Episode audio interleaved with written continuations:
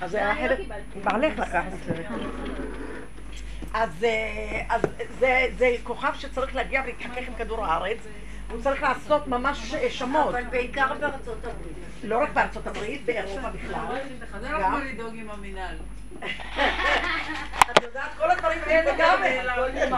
חובות עם עכשיו אומרים שבארץ לא יהיה, כי אנחנו נהיה כמו על תיבת נוח, משהו בסגנון. מי אמר את זה? אה, אה, אה, שם זה כתוב. עכשיו בכל העולם... פנטזיות, זה פנטזיות, זה כן. דמיונות, דמיונות.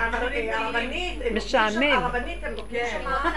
רגע, הם קראו, הם כתבו, הם אמרו את השם שלי? עוד לא.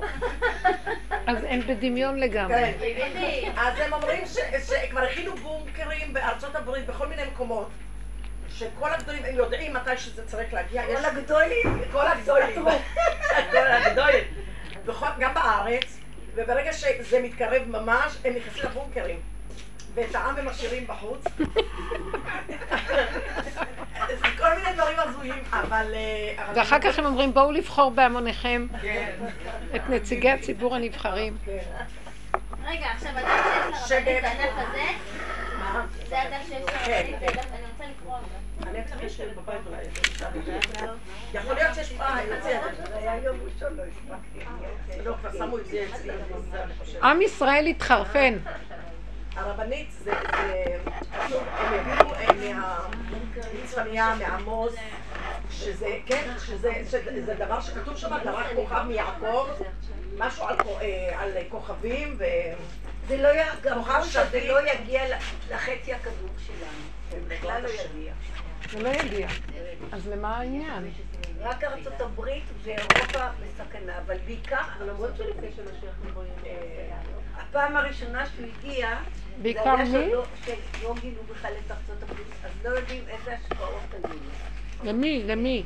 מה? למי השפעות?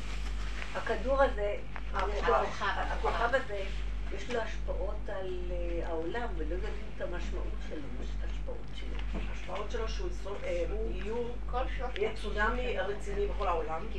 די, אני לא מבינה מה הם אומרים. כל מיני דברים.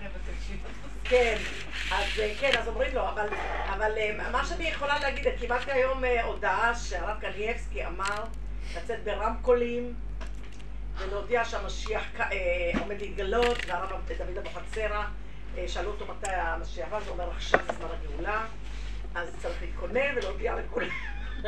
עכשיו, אני אומרת, איך משתמשים ברב קנייבסקי? יכולים אה, שהרב קנייבסקי יצא כבר עם בעולם. מעניין שבסוף אחר כך שואלים את הב- את הבת שלו, אז היא אומרת, הוא לא אמר ככה. כן? אז בשביל זה אני אומרת שהוא, יוצא, יצא ויגיד, או הרב דוד אבוחצירא, בקול שלו שיגיד, למה צריך אה, בשם? הרב כל כך גם אני. קיבלתי את הוואטסאפ הזה. כן? בדיוק. להקריא לך? ואת צריכה להודיע לעשרה אנשים, ו...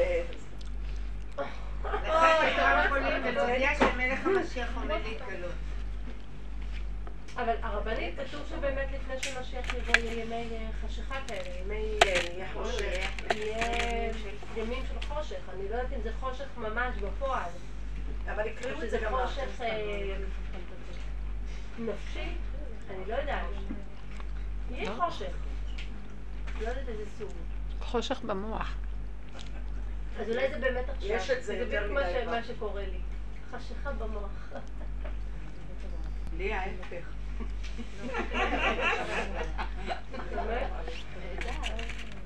נו, הרב אה, שיינברגר רוצה שלושה ימי צום. כן, נכון. כן, שמעתי שכן. זה אני רוצה את זה. זה. הרב אפשר שיינברג. רק לתמוך. לא אבל זה לא רק הרב שיינברגר, שבוע שעבר אני אמרתי לכם פה גדול. הרב אש- אשרוב, נכון, הוא אמר זה תלמיד שלו. זה, תלמיד שלו. אז הוא אמר, מהאור הגנוז, הוא אמר אני לא יכולה לסבור שאתם אומרים את הרבנים האלה. כי למה אתם לא מזכירים גם אותי? לא, אנחנו מזכירים כל הזמן, רק זה חדש. לא, אני לא רוצה שתזכירו אף אחד חוץ ממני. אין לכם מושג כמה זה מצער אותי שאני שומעת רבנים אחרים. אני אגיד לך למה, כי זה הכל עץ הדעת. בדיוק. הם לא מבינים, אני מדברת באמת. הכל לא, זה עץ לא, הדת. זה הכל עץ הדעת. גם אני, לאחרונה, באמת, את. יודעת שלושת ימי חושך? אני לא יודעת מי אני. לאחרונה אני מרגישה התמוססות של האני. אני אפילו לא יודעת מי זאת אני, זה סתם שם, זה, שת, זה סתם, הכל גם אין לזה משמעות, פישר, פישר, שקר, אין בזה משמעות. אבל יש מישהו שתמיד מזכיר לך שמשהו בעבר שלך, שאז נותן לך רגע כזה של... אה, שבכל זאת את קיימת, לא, לא? לא. יש לי מספיק את שלי, מה אני צריכה את לא? לאחרונה יש משהו מאוד מעניין שזה קורה, כנראה שזה הכוונה שלושת ימי הפילה.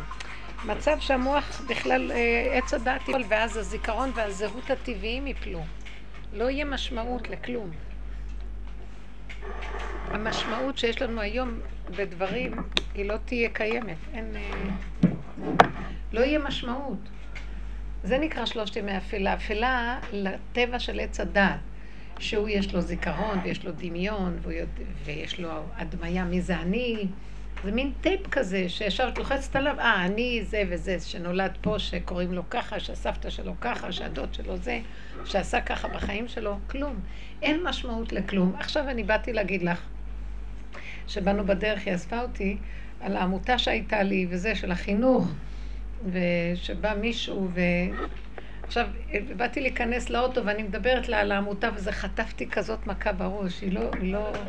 באתי להכניס את הראש וטח בתוך האוטו. לרגע ככה. כאילו לרגע אמרתי, וואי, לפחות דבר טוב אני מרגישה במכה הזאת שאתה פה איתי, כמו אותו כבש שמקבל את המכה מהגב ויודע באיזה שה... שעה זה היה? אה? באיזה שעה זה היה? עכשיו. חטפתי מכה, ואז אמרתי, וואו. אז לפחות דבר אחד טוב, שאני רואה שאתה איתי, הוא אומר לי, תשתקי. מי את? מי, מה את מזכירה שהיה לך משהו? החרבתי לך את הכל עד לשת העצמות ואת עוד נשאר לך זיכרון שאת היית משהו? אז בשביל מה עברת למיטה הזאת? את מחיה את זה עוד פעם? כאילו הפחד היה, אל תחי כלום, אין, אין מה להחיות. אבל אי אפשר בלי להיזכר לפעמים במה ש... אם את לא תהיה נזכרת אז יזכירו לך. לא. עכשיו שלושת ימי החושך האלה, בא איזה גל כזה שכאילו הזיכרון נופל ואין לך כוח אפילו לעורר אותו. של מה? בשביל מה הייתי צריכה לדבר על זה? מה המשמעות? שאני ארשים אותך שהיה לי ועשיתי? אז עוד פעם אני מחיה את האני הזה, הדמיוני, כי זה השם עשה דרכי, ולא כלום לא קשור אליי, והפעולות היו ממנו, ומה קשור אליי פה כלום? גם זה שאני אומרת, יהיה לי לעולם הבא שכר, וזה זה הכל דמיון של המוח שעושה אחד ועוד אחד. אין משמעות לזה בכלל. אז את אומרת שבכלל לא לדבר.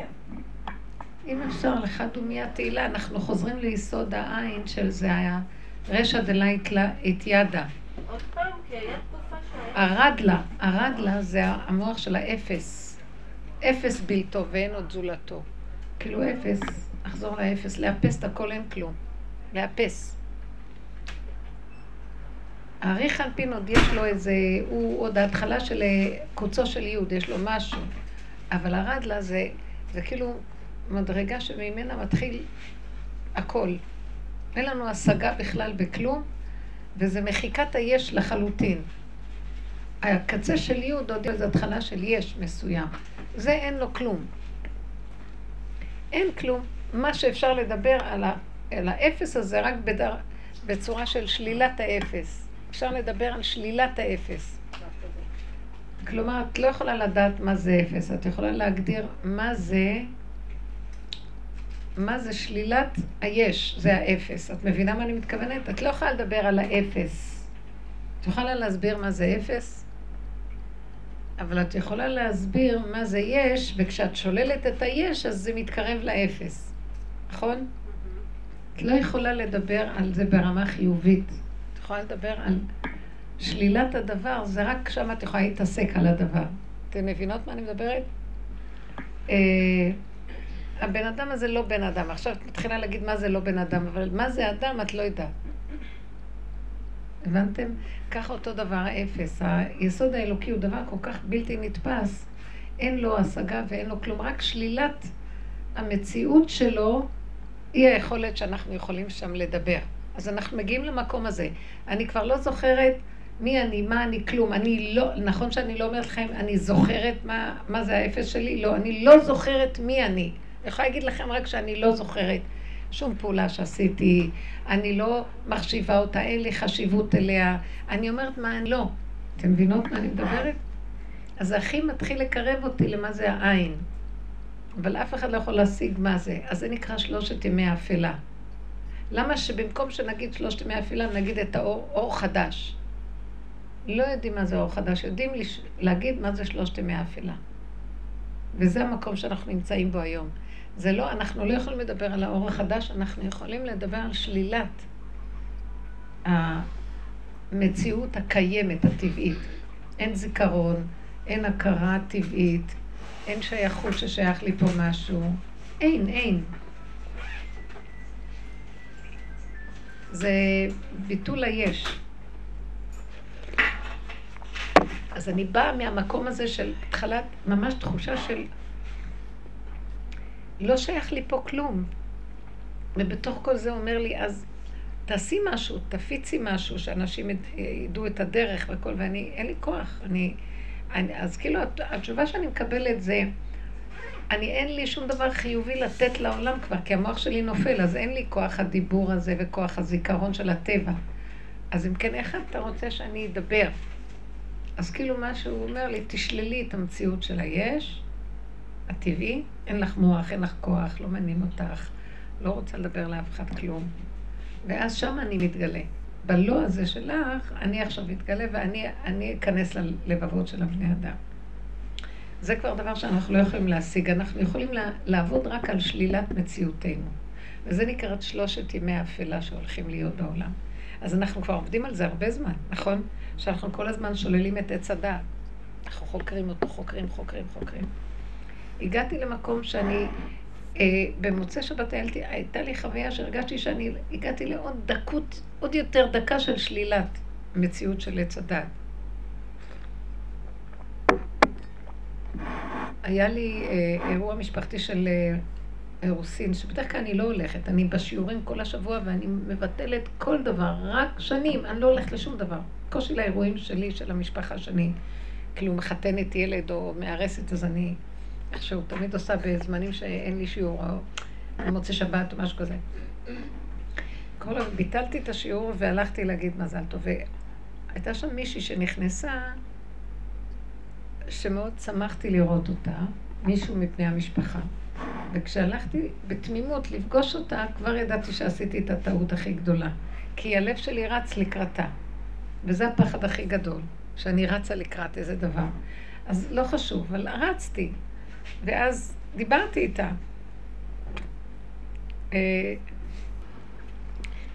היא הלכה להגיד מזל טוב למחותנים וזה שהם חיתנו, שהאירוע היה שלהם, ואחר כך חיכיתי שהיא תחזור, לקח המון זמן והיא לא חזרה. עכשיו, בדרך לצאת היא איכשהו עברה דרכי שוב.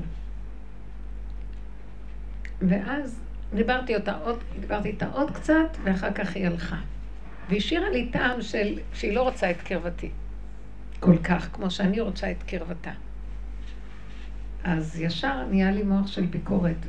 כן, כן, מה את אומרת ככה? ותראי איך את אומרת את מה שאת אומרת, ואת עשית ככה, אז uh, מדי מתקשקשת, מדי את רגשית ומדי את חיפשת אותה, אז... Uh, אז התחלתי לבקר את התנועה שלי, של הדיבור הזה והדיבור הזה והדיבור הזה, ומה שאמרתי כאן וכאן, ונהיה לי שחור פה, חושך, כאבים נוראים. ולרגע ישבתי, אה, וישבתי עם עצמי לרגע, ואמרתי, למה כל זה קורה לי? וראיתי שאני מבקרת את עצמי, ואמרתי, הביקורת שלך על המציאות שלך. הביקורת הזאת לא נגמרת, זה עמלק אחד גדול שעכשיו הוא מאוד מאוד מתגבר לפני המחייה שלו בפורים, הוא עכשיו מתחיל להתגבר זוועה. ואז אמרתי, כל מה שאמרת היה בסדר, זה רק הביקורת שלו על מה שאת אמרת. אז הוא צובע לך את הכל בשחור, כי כוח המבקר, הוא אומר לך, למה אמרת ככה? היית צריכה להגיד ככה ולא לעשות ככה, וזה, וזה. וזה מה שצובע לך את כל השחור משחור שיש לך פה. ואז נכנסתי לשקט בתוך הנפש, ונהיה לי מילה חזקה בתוך המוח. תבודדי את הביקורת, תבודדי את הביקורת, תבודדי. ופתאום כשככה התעוררתי, הבנתי מה אני צריכה לעשות. לעולם לא ייגמר עליי. כמה שאני לא אגיד לו, אבל ככה אני ואני אקבל את עצמי, אני גם שייכת אליו. כי אני עונה לו, אז אני שייכת באותה סקאלה שלו. כי אני עונה לו, הוא מבקר אותי, ואני אומרת לו, אבל ככה אני, אתה יודע מה? אז הוא גם כן, אני עוד שייכת אליו, אני עוד מתייחסת אליו. אז הוא קיים וגם אני קיימת, אני קיימת והוא קיים. והקול שאמר לי, תבודדי היה, אל תעני לו. אל תנסי גם להגיד לו, ככה אני מקבלת את עצמי איך שאני... כלום, כלום, כלום. תתחלקי מהמטריקס החוצה. הרגשתי שכל זה קורה פה בכיפה, ואני מחפשת את הדופן החיצונית איך לצאת מפה. לא רוצה להיות פה, לא רוצה. ואז השארתי את הכל ככה והתחלקתי החוצה, ככה הרגשתי. אני אמרתי, הכל בסדר, זה רק הביקורת המטומטמת הזאת שלעולם תדון אותי ותעשה לי את הרגשה הכי גרועה בחיים שלי. היא עומדת מעל משקיפה וצובעת לי את החיים הכי גרוע. תראי איך את אמרת לה, למה אמרת? מה כבר אמרתי? אז מה, אז מה, אז מה אמרתי? אז אמרתי, אז עשיתי, בסדר. ואני חושבת, היא חושבת עליי שאני אמרתי, בכלל, זה המוח ההוא אומר לי, כלום, מי שמע לך? מי בכלל? מי הם כולם? ואת זה אני אומרת מיליון פעם לעצמי, אבל הפעם הרגשתי, כמה שאני לא אומרת, זה לא נגמר. אם כך, אין לי כוח לעבוד עליו, אין לי כוח לענות לו, אין לי כוח כלום. תוציא אותי מהמטריקס הזה החוצה, החוצה. יצאתי, כאילו, פתאום נהיה לי רווחה שאי אפשר לתאר. כל השחור הזה שהיה פה נעלם, מי, היא, ונהיה לי כמו ברזל. לב אבן נהיה לי. לב אבן למציאות העולם. כלום, לא נשאר כלום. הרגשתי שלא נשאר לי שום דבר מכלום. לא רוצה, לא מעוניינת, לא שייך לי, לא כלום. זהו. כל היומיים האחרונים, אחרי זה התהלכתי עם חוזק הלב כל כך חזק, כאילו, אין כלום פה. אין פה כלום. אין פה כלום. רק לב, אין בני אדם. אין שקר הכל. אין כלום. חוויה מאוד חזקה של אין. חוזק הלב. ואז המילה אבן, במוצאי שבת שעוד חשבתי, בא לי המילה אבן, תהי אבן. הם שמו את ה... באינטרנט את ההרצאה של אתמול, בבני ברק? לא יודעת, לא. כי אתמול דיברתי על זה. לא חשוב. אבן, נהייתי אבן, אבן, אבן. אבן הזה, פתאום הרגשתי זה מה שצריך לעשות. זה, זה כאילו, די, זה הדבר האחרון שעוד נשאר פה. להיות אבן דוממת. אין להגיב, אין לענות, אין לחשוב, אין דמויות, אין פעולות, אין כלום. זה בעבודה הפנימית, היחידנית שלי. וזה נתן לי עוצמה פנימית, שקט נפשי, המוח הזה קרס. לא יודעת, הייתה חוויה מאוד מאוד יפה של אבן מה עשו הבונים, הייתה לראש פינה. ופתאום ראיתי את עצמי, כאילו אני בתוך האבן והכל אבן. והעולם, אני צריכה להיות לב אבן לעולם, ובתוך האבן אני פועמת. הלב שלי פועם בתוך האבן, לב בשר לבורא עולם. זהו. בורא עולם זה, הוא פועם בתוך האבן, טק, טק, טק, טק. לא יודעת מה זה בורא עולם. אבל נגמר המצוקה והביקורת של הדבר הזה. תגידו משהו. אז לי היה בדיוק אה, אותו דבר אתמול, משהו מאוד דומה. נפגשתי עם איזה מישהי שגם לא ראיתי אותה הרבה זמן, ובדרך כלל היא די מתייחסת אליי יפה, ויש בינינו אינטראקט טובה כזאת. ופתאום אתמול היה נראה לי שהיא לא כל כך רוצה בחברתי באותו, באותו זמן שנפגשנו. ואז מה שקרה, בעצם זה לא ביקורת כמו שאת מתארת, אלא זה כל הזמן בגלל שאני כאילו כבר אוטומטית, ההתבוננות אצלי היא כבר אוטומטית, כאילו בלי שאני רוצה, זה לא שאני יכולה פתאום ללחוץ על הכפתור שמפסיק את ההתבוננות, זה כל הזמן, ההתבוננות הנפשית אני מדברת. אז מה שקרה זה שבעצם אני פתאום קולטת שאני מבינה שהיא כאילו לא רוצה בחברתי, ואז מה שאני עושה, אני מנסה יותר להתחבר. כן, בדיוק. כאילו. זה גם מסוכן קצת גם... מדי ההתבוננות. יש איזה שלב שההתבוננות הזאת צריכה להיות, להפסיק אותה. אני לא יכולה, אני לא יכולה, זאת, אני כמה... כי תח, תחזרי לאבן. מתבוננת, ראיתי, אנחנו הגדרנו, ראינו, התעסקנו, אמרנו, נגמר וזהו. אין כוח. אין כוח יותר לכלום. תישארי אבן דוממת. מי היא ומי אני ומי כלום ואין... גם הב... כי הביקורת הזאת לא תפסיק, כי ההתבוננות גורמת להתרחבות. זה נכון, היינו, אנחנו צריכים את זה, אבל לא, עכשיו נגמר כבר גם להתבונן על עצמנו. כי זה עדיין המטריקס שרוצה להבין את עצמו. נמאס לי להבין אותו. משוגע, גמרנו, אין מה לעשות איתו, לסגור, להתחלק החוצה, להתגלץ' החוצה. יש עכשיו אפשרות להתגלץ' החוצה. אבל ראיתי שהיום התקשרה אליי ועוד פעם זה חזר על עצמו. חזרתי על הפנים הביתה מאותה פגישה. את על הפנים. למה על הפנים? כי ברגע שאת מתבוננת, נהיה לך, את צובעת, זה צובע אותך, זה צובע לך את הצבע של הכאבים. אין כוח גם לכאבים האלה. כלום. הכוחות מתדלדלים והולכים. אז השלמה והסכמה בכל. אני מדברת על נקודת העבודה הפנימית, הפנימית, הפנימית. שום דבר, שום דבר, לא ביקורת, לא להסתכל על השני, לא כל שכן על עצמי. לא כלום, כלום, כלום, כלום. אבן. ולהסכים לכל דבר שבאבן. אז פתאום את מקבלת כזה תעצומות פנימיות של מי הם כולם, מה קרה פה. וצריך מאוד מאוד להיזהר שלא ייגנב הדבר הזה לשום דבר אחר. יש לי רצון בחלק הכללי שלי שרוצה עוד לעשות איזו פעולה לציבור או לכתוב משהו ובין זה לזה עכשיו אני אומרת לעצמי אז למה אתה נותן לי את הרצון הזה? כי אני רוצה להישאר באבן. אז כאילו הקול שאומר לי זה החלק הכללי יש מקום לעשות פה פעולות בכדור הארץ אבל זה צריך לבוא מתוך האבן. האבן שלך תעשה את הפעולות לא את תעשי. מתוך האבן הפעולות תעשינה. תרצי, תגידי, תפעלי, זו פעולה קטנה, אבל מתוך אבן, בלי להתרגש, בלי להתרחב, בלי לחשוב על ההוא ואיך הם ואיך, כלום. טק, טק, טק, טק, נקודתי הכל. ממש קטן, קצר, מתוך לב אבן. אתם יכולות להבין מה זה מדברת? זה מחיית עמלק, כי אם אנחנו לקראת הסוף לא נהיה האבן של עמלק עצמו, לא נוכל לעמוד. הוא אבן ואנחנו צריכים להיות אבן. הוא הכי אכזרי בעולם. והוא מנסה לפתות אותנו שהוא רחמן ואכפת לו מאיתנו והוא שוחט. כלום. אבן מול אבן, משהו כזה. כן.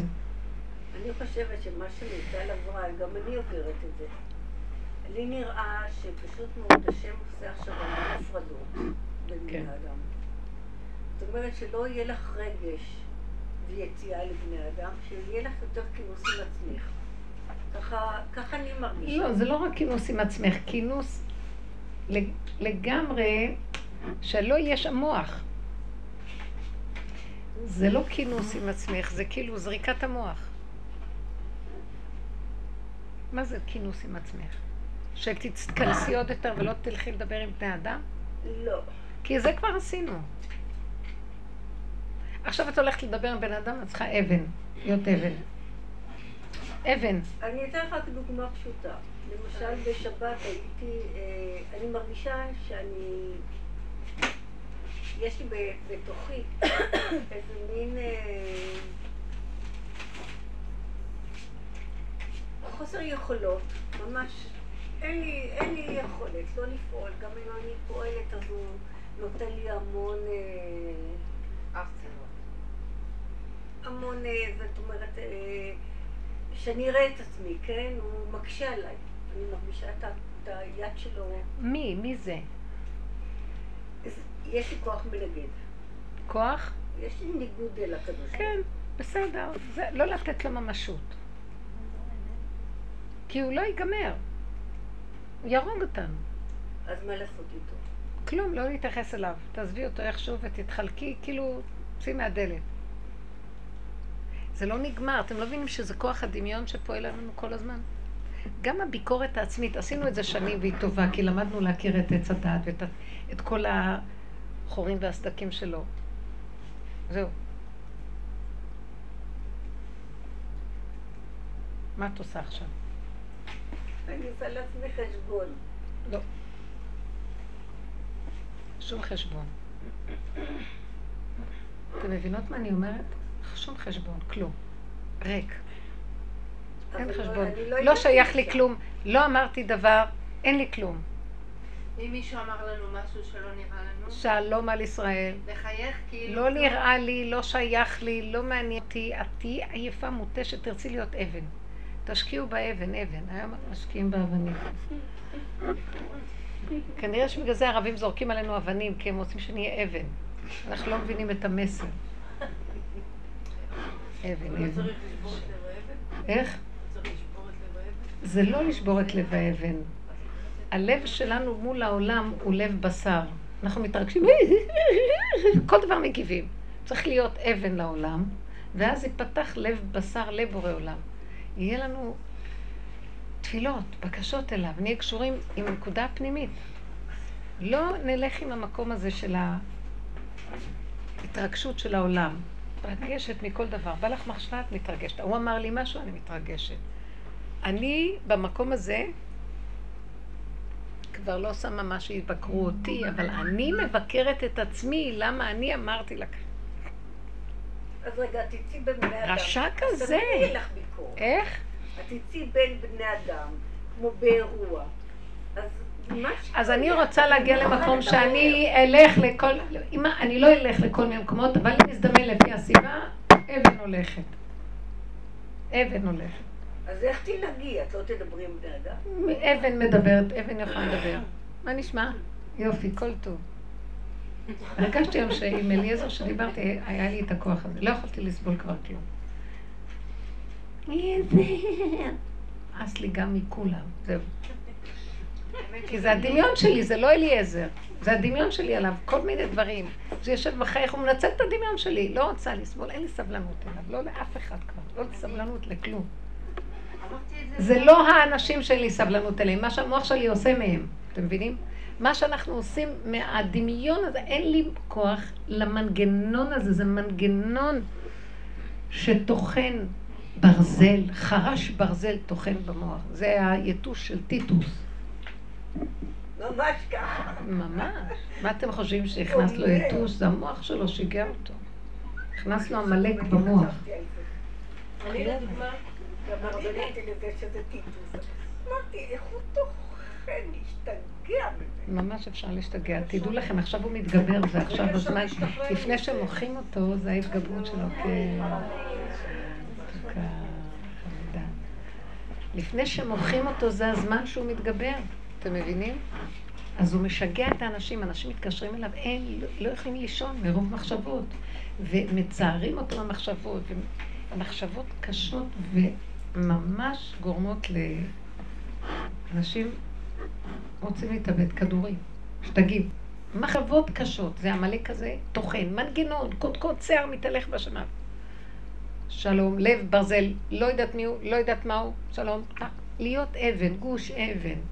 להיות ברזל, הוא מנגנון ברזל, גם את מנגנון ברזל. זה לעומת זה, זהו. אין דרך אחרת. כי אם לא אפשר למות.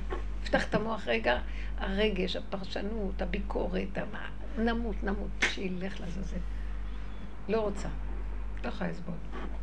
טוב, תגידו משהו. מה אתן יושבות ומסתכלות? כן. המציאות לא קובעת. כן. והרגש הוא- איך, איך? המציאות לא קובעת. המציאות לא קובעת. והרגש הוא. ודאי, המציאות, לא, המציאות זה אנחנו יוצרים אותה. אדם יוצר את המציאות שלו, לא רוצה ליצור מציאות, לא רוצה לחשוב, אין מציאות. איך שזה ככה זה נתונים. האיש הלך, האיש בא, האישה נכנסה, ההוא העביר את זה, זה ירוק וזה צהוב. פשוט. זהו. לא פרשנות ולא שום דבר שקשור אליי. עמלק זה יסודו. כל דבר שקורה בעולם, מה קשור אליו? הוא אמר לי ככה, הוא העליב אותי, הוא פגע בי, היא אמרה לי ככה, התכוונה אליי. היא רק אמרה איזה מילה, מישר נשחר לי כל הזה. האני הוא המרכז והכל הוא, הכל צריך לעבור דרכו. אין סבל יותר גדול מזה. מי אתה בכלל? כלום, אין כלום. ריק, ריק, אבן. כלום, אין אף אחד שם. הפרשנות הזאת וההתרגשות הזאת, זה הזבל הכי גדול. אז מה ראיתי? שכאילו הוא חידש לי שגם לענות לו ולצחוק ולעשות לו פורים ולהגיד לו, אבל אני כזה גם כן, ולא, גם זה כבר, הוא גם נותן לי את הטריק הזה. ש, ש, ובינתיים אני נותנת לו ממשות. לא רוצה לעבוד על עצמי יותר, לא רוצה כלום, לא רוצה אבן, לך, אבן. איך שאני ככה, זה בסדר גמור. כל פעולה שעשיתי, הכל מאה אחוז בסדר. כלום, לא חסר שום דבר. מה שקרה, הכל בדיוק, הכל בדיוק מדויק, אין כלום. לא רוצה שום מחשבה, שום פרשנות, שום הבנה, שום השגה, שום בור... אני גם לא רוצה בורא עולם, נמאס לי, אין כזה דבר. המוח, יש בורא עולם, אבל הוא לא כמו שהמוח שלי עושה לי בעבודה של עץ הדעת. זה בורא עולם דמיוני. שיום אחד הוא חבר שלי, יום אחד לא סובל אותו. אתם מבינים איזה מין בורא עולם סידרנו לעצמנו? הרבנית, היום הייתי באיזה אה, חנות. חיכיתי שם, נראיתי משהו לתקן ואני מחכה, אז אה, היה לפניי מישהו. והוא רוצה לדעת אה, מתי יקבל את הדברים שלו, אז המוכר אמר, תתפלל לשם שהוא יעזור לי, שאני אצליח לסדר לך את זה כמה שיותר מהר. וההוא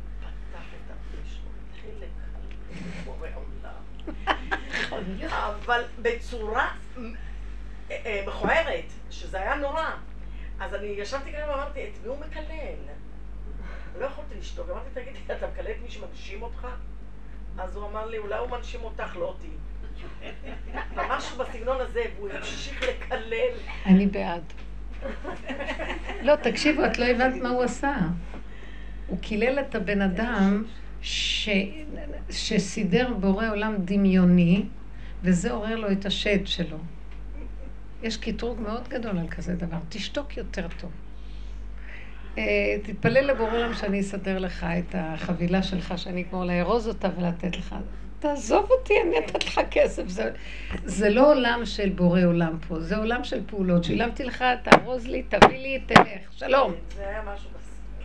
עכשיו, איך אנחנו מתלבשים לאורך ולרוחב בבורא עולם הזה? בכלל, לאחרונה נהיה עולם רוחני, איזה שקר נהיה בעולם.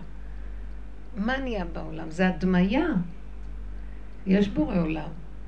הוא רצה להגיד, אתם, ברגע שאתם אומרים בורא עולם, מי זה היה שדיבר ככה? את עוררת עלייך את הקטרוג הכי גדול. הוא עורר עליו, האיש השני. את חושבת שסתם הוא התעורר והתחיל לצעוק? זה קטרוג. מה שהשני עשה זה כמו אחד שאומר לשון אה, הטוב על השני, ליד אחד שאסור להגיד לידו, זה נהיה לשון הרע. גרם לו לדבר. גרם לו לדבר, הוא קילל. זאת אומרת, שתוק ויותר טוב, כי הכל דיבורים, אין כיסוי מאחורי זה. אין כיסוי. הוא רצה להגיד, אותך הוא מנשים, הדמיון שלך, שאת חושבת שזה בורא עולם, הדמיון שלך מנשים אותך. ברור שבורא עולם מנשים אותנו, אבל זה לא כמו שאני חושבת. אתם, אני כל כך קולטת מה הוא דיבר. הוא דיבר, הוא דיבר מנקודת אמת הכי גדולה שיש. תשתקי לך דומיה תהילה זה יסוד האפס. רשע התיידה. הראש הלא ידוע, לא יודעים מהו. ברגע שאני אומרת, הקדוש ברוך הוא יסדר לי, אז ישר, אני חושבת שיושב שם על איזה כיסא, והוא יסדר לזה, ולהוא יגיד לא עכשיו, ואז זה לא בדיוק, כלום לא המקום הזה, עדיף לא לדבר. אתם יודעים מה, אני מגיעה למקום שעדיף לא לדבר בורא זה מעורר הרבה קיטורים.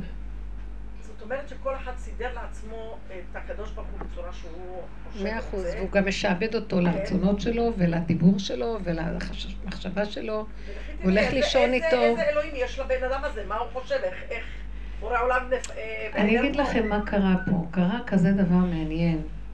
במצרים, ביציאת, ביציאת מצרים, הקדוש ברוך הוא התגלה עלינו. זה היה גילוי מדהים של אותות מופתים שלא יאומנו. מעמד הר סיני היה השיא. בוא נגיד כל המכות וקריעת ים סוף ומעמד הר סיני. באותו רגע שהתעורר כזה אור על עם ישראל, זה כאילו הם קיבלו מנה רדיואקטיבית בתוך הוורידים שלהם של גילוי אלוקות. גילוי אור אמיתי, אור אמת, האור הגנוז התגלה. עכשיו, אחרי כמה זמן הוא נסגר, והם חזרו לטבע הרגיל, השכל הרגיל הגיע, ונסגר להם אותו אה, חוויה נסגרה. באה התורה ואומרת להם, תשננו. למען תזכרו ועשיתם, תזכרו את יציאת מצרים, תזכרו. הזכירה הזאת, כל הלימוד של האדם, לחקור את האלוקות, לנסות להבין מה היא, היא לא שבאמת אפשר יהיה בשכל להשיג מה זה אלוקות. אי אפשר לחקור ולהשיג אלוקות. אין הדעת של האדם משיגה מהו. אז מה פתאום יתחיל האדם לחקור, לחקור מה זה אלוקות?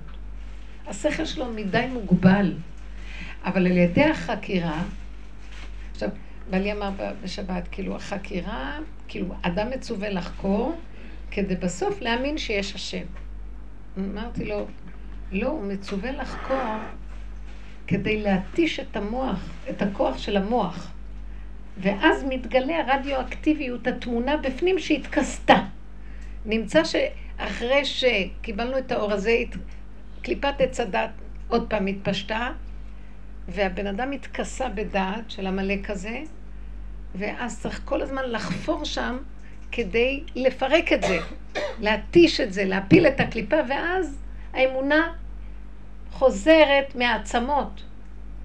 אבל לא שהלימוד יסדר לנו אמונה. ועל ידי זה שאנחנו לומדים, אנחנו מגיעים לאמונה. אי אפשר על ידי לימוד להשיג אמונה. אין אמונה בעולם הטבע. זה מתנה שהשם נתן ממנו אור. זה לא דבר שאדם יכול להגיע לאמונה. אין להגיע לאמונה. אפשר לשלול את עץ הדת, את כל הקליפות, את השקר, וזה מה שאנחנו עושים בשיעורים, הנה עוד שקר, עוד שקר, עוד שקר, עוד שקר, עוד שקר, מפרקת. בסוף את מותשת לגמרי, כמו, כמו החוויה האחרונה, שאני רואה את עצמי, מבקרת את עצמי, ונהיה לי חושך מהביקורת, כזה הרגשה רעה על מישהי ש... ואמרתי, כל הכאב שיש לך זה שאת מאמינה לביקורת הזאת, אין כלום. אין כלום. תגידי, הביקורת הזאת, זה לא... תצאי, תתחלקי מעץ הדעת. כי אין תקנה, הביקורת הזאת לא תיגמר, כי בעץ הדעת תמיד יהיה ביקורת. תמיד יהיה הכוח של הרגש, תמיד יהיה הפרשנות. אז תצאי מההתבוננות, מהפרשנות, מהביקורת, מההרגש, מה... תצאי מהכל, תתחלקי ותהיי בהמה. נהיה לי אור מזה, ולא יכולתי להירגע מהכאבים שהמוח הזה, המבקר, עשה לי. איך היא חושבת עליי? מה עכשיו אני נראית? אוי ואבוי לי. וכל השקר הזה, כמה עבדתי עליו. די, נמאס לי ממך, לך ממני. הוא לא ילך ממני. אבל מתחת למקום הזה, אם אני מתחלקת ובורחת, לא מתחשבת בו, כי אין לי כוח לשאת אותו יותר, מתגלה כוח האמונה. מהו כוח האמונה? ככה, הכל בסדר איך שזה ככה. ככה, ככה דיברתי איתה, בסדר מה שדיברתי, לא אמרתי שום דבר אחר. הוא בא לבקר אותי, אבל לא, מה שאמרתי היה בסדר גמור. מי בכלל, ומי אני, ומי הם כולם, הכל בסדר. וחזרתי למצב של בהמות עמך. היה לי שמחה גדולה בלב, לעומת הצער שהביקורת עשתה לי. בלי ביקורת יש שמחה מדהימה של בהמות, בהמות עמך. אני רוצה לשאול שאלה. אנחנו במתן תורה קיבלנו אור גדול, הוא נעלם. וכל הדורות על ידי קבלת התורה חופרים בתורה בצד השכל, צריכים שכל. והשכל מלמד אותנו, משנן, מנסה להבין, נותן לנו מידע וידע, מתרחב, בונה תיאוריות, מתרגש. אז זכינו על ידי השכל הזה של עץ הדעת עם הקומבינה של התורה. הלבשנו את עץ הדעת על התורה, זכינו להיות מדרגת חכמים ונבונים ובעלי דעת וחסידים ואנשי כוח, גיבורי כוח עושה דברו, ונהיינו בני תורה, שזה כל הספרות, תפארת וכן הלאה. מה נשאר לנו בדור האחרון לעבוד? מה נשאר בדור האחרון? כל כך הרבה הערה היו אצל חכמים. היו הרבה חכמים בעולם התורה, בכל הדורות. זה לא היו תלמידי חכמים. חכמים, יש מה שנקרא חכמים ויש תלמידי חכמים. חכמים זה בספירת החוכמה. נבונים, אנשי סנהדרין היו בני בינה, בעלי בינה, ידעו שפות, ידעו לפרש כל דבר, דיינים, משכר יודעי עיתים לבינה, היו בעלי דעת, היו חסידים, היו גיבורים, היו מעולם התפארת, שזה עולם התורה, תלמידי חכמים. היו נביאים והיו כהנים. מה נשאר בדור האחרון שעוד לא עשינו? לקחנו את כל האור של התורה ומיצינו אותה עם עץ הדעת. מה נשאר לעשות בסוף? להגיע למדרגה אחרת. מלכות. מהי המדרגה של המלכות? מדרגת המלכות זה מדרגה של התרוקנות. בהמות הייתי עמך. שפחה ראתה על הים. נשאר רק מדרגת השפחה. איך יכול להיות שפחה ראתה על הים מה שיחזקאל בן בוזי הכהן לא ראה? מה לשפחה אכפת לה? מראות נבואה? הוא רצה להגיד לנו שהם הגיעו, זאת אומרת, מהאורות העליונים עד האורות התחתונים, ואת התהליך הזה צריכים לעשות בגלות, לחזור עוד פעם לאורות העליונים. עכשיו תחת חוק עץ הדעת, כי קודם שפחה ראתה על הים כי היה אור הגנוז, חכמים ראו נפתחו להם רובות השמיים. והייתה השתוות הצורה, יחזקאל הכהן ראה כמו השפחה. או השפחה ראתה כמו, אפילו יותר היא ראתה. אז כל הדורות חזרו לעבוד על החוכמה ועל הבינה ולהשיג כל מיני השגות. מה יהיה העבודה של הדור האחרון? אני ראיתי את זה במוצאי שבת. תמחקי את הזיכרון, תמחקי את הדת, תמחקי את הדמויות, תמחקי את ההבנה, תמחקי את ההשגה, אין לך שום דבר. תהיי גולם, גולם. גולם יותר טוב, גולם. אבן, אבן. אבן מה עשו הבונים הייתה לראש פינה, אבן. אה, לא יצאתי משם עד שכל הלב פרפר לי מרוב שמחה. פתאום אמרתי, מי זאת האישה הזאת שבכלל דיברתי איתה, ומי זה אני בכלל? ואין אני ואין אישה ואין כלום, ואין זיכרון, ואין ביקורת, ואין שום דבר, אין כלום. מי הם בכלל? וככה, אתם לא מבינים מה נהיה לי. הרגשתי כאילו הלב שלי נהיה אבן. הייתי יכולה לפרק את העולם באותו רגע. אין עולם, הכל דמיון. אין כלום. נתן לי חוזק מאוד גדול. פתאום כל מיני דברים שהפריעו לי נעלמו, אין כלום, הכל זה רק הדמיון שלך יוצר את זה. אין כאן כלום! תאמינו לי, היה לי מתיקות שאני לא יכולה לתאר לעצמי. זהו. ואז הבנתי, צריכים להגיע למדרגת שפחה ראתה על הים. זו המדרגה הכי גבוהה מכל המדרגות של קודם. כמעט יכולה לתת להשם. היה קצת, תראו, התכסה אור העליון, אז אנחנו מנסים לחקות אותו בחוכמה, לחקות אותו על ידי הבינה, לחקות, לחקות את האור הזה. הכל זה רק חקיינות. באה בא שפחה ואומרת, אין לי שום דבר, מתרוקנת לגמרי, אין לה כלום. כל האור הגנוז מתגלה שם. זה לא כמו האדם הראשון שלא היה לו בהתחלה כלום. כן. אבל עכשיו בבחירה. לחזור בבחירה להיות...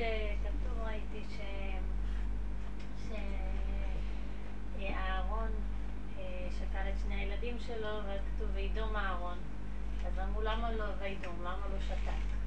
למה לא וישתוק אהרון?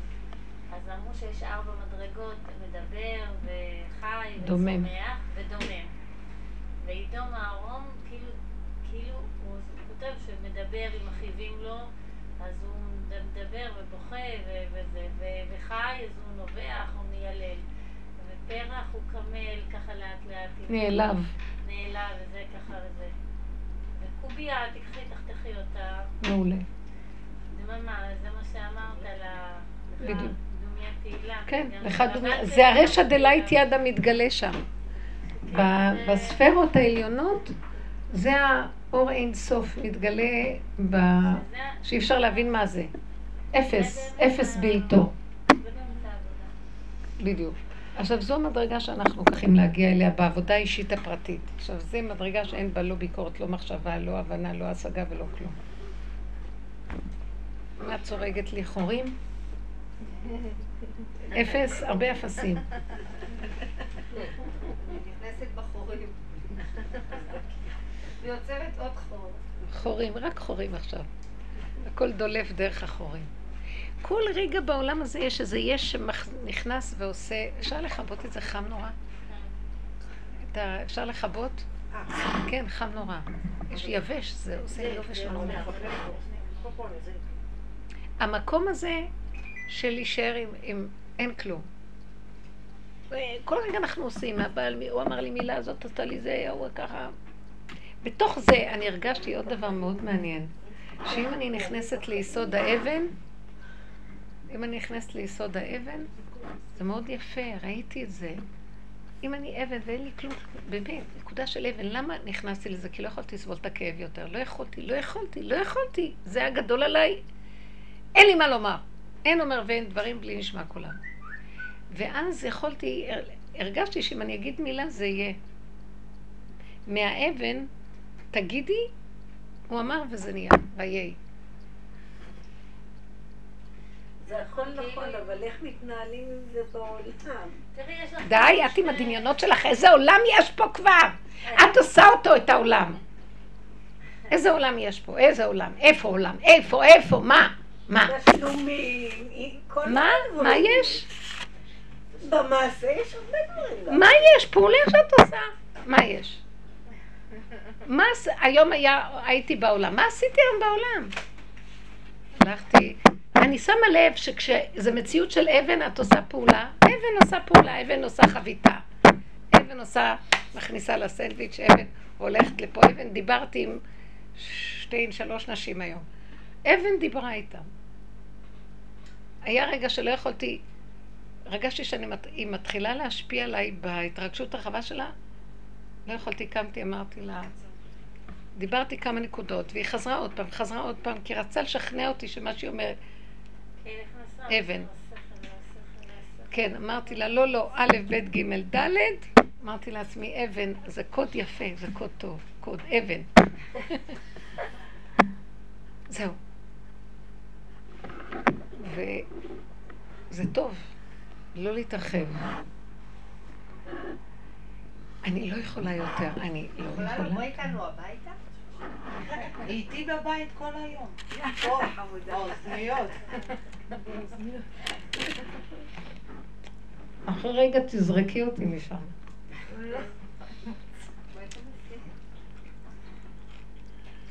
אני אבוא אלייך, אני ארצה לו את האוכל הכי משובח, אני ארצה את המיטה הכי טובה, אני אקח לך את- הכריות הכי רכות, לא יהיה מעניין אותי מאף אחד.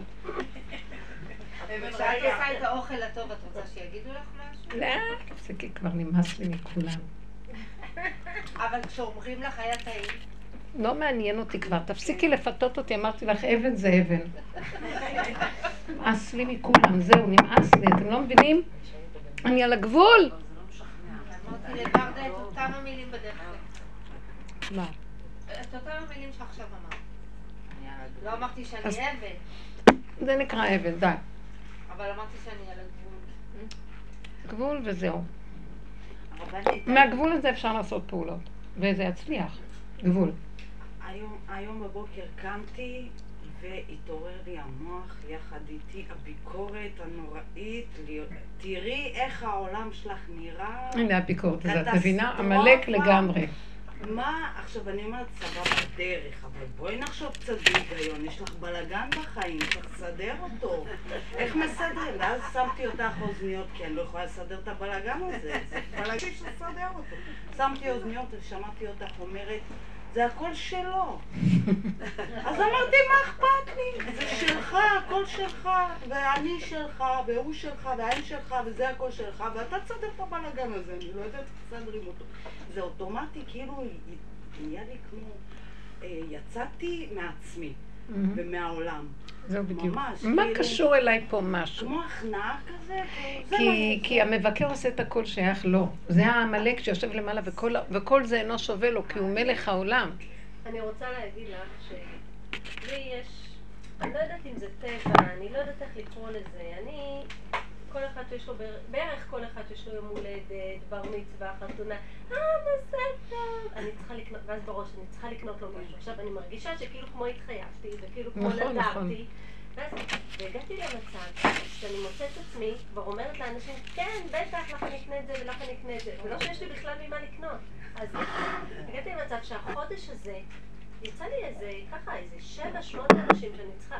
עכשיו, מה אני עושה? אני אומרת לעצמי... איזה שעבוד המערכת הזאת של העולם הזה. איזה משוגעת, אמרתי לעצמי, איך התחייבתי בנפשי לזה, כאילו, אמרתי, תראי את הסכנה הזאת, את את לא יודעת מה ראיתי? לנתק." קחי הצעה פשוטה. צפצפי על מה שחשבת, צפצפי על מה שהבטחת, צפצפי על כולם ואל לאנשים. מי הם כולם? אל תביאי.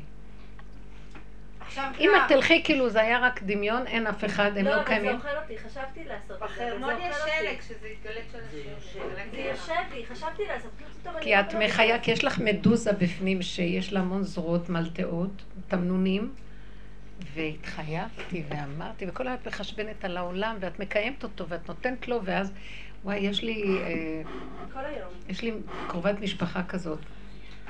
אי אפשר, אני בהתחלה, כאילו ראיתי שהיא, אי אפשר לצאת ממנה אם לא מביאים לה איזה משהו, מתנה, פרחים, אה, איזה בושם, איזה, אי אפשר. מישהו מה... אחרי שמחתנים ילדים נהיים קרובי משפחה חדשים. עכשיו, אז הבאתי לה. הבאתי לה, זה לא נגמר. הבאתי לה זה, עכשיו צריך את זה, צריך להזמין אותה, אז- וככה טח, טח, טח, טח, והרגשתי רגע, היה לי תקופה שפשוט אמרתי, אני הולכת לאיבוד. כי רציתי קצת ל... כן, לא נורא. יום אחד אמרתי, לא. וואי, כל המשפחה קמה עליי. את מעליבה, את פוגעת, את... לא יכולה. הייתי צריכה להיכנס על הארבע ולהמשיך לתת.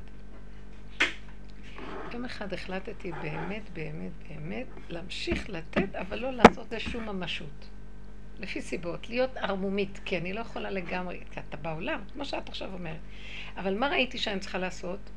היא לא מציאות, אני לא מציאות, כלום. יצא, אמרתי, יש איזה מראה, תעשי, וגם אל תדוני את עצמך, תדוני אותה. לא תכעסי עליה, תגידי, אני לא רוצה כלום. את מבינה מה אני רוצה להגיד לך? גם את החלק הזה של המדוזה, או המבקר הזה, גם כן אל תתרגשי ממנו. הוא מבקר והוא יישאר תמיד מבקר. הוא יבטיח, ותמיד הוא יבטיח. הוא יעשה חשבונות, תמיד לעשות חשבונות. אל תדוני את עצמך שעשית ככה, תסכימי, וככה התחלתי להתחלק מזה. ויצאתי למהלך אחר לגמרי. את מבינה מה אני אומרת? אל תעבדי על הדבר, על הדבר שעל הדבר. תסכימי, מה זאת אומרת תסכימי? תתחלקי מזה, כי אין לדבר סוף פה. אני חשבתי פשוט מראש לא להגיד מזל טוב, ומראש לא... את לא תוכלי. את לא תוכלי, גם אני אמרתי. את לא יכולה.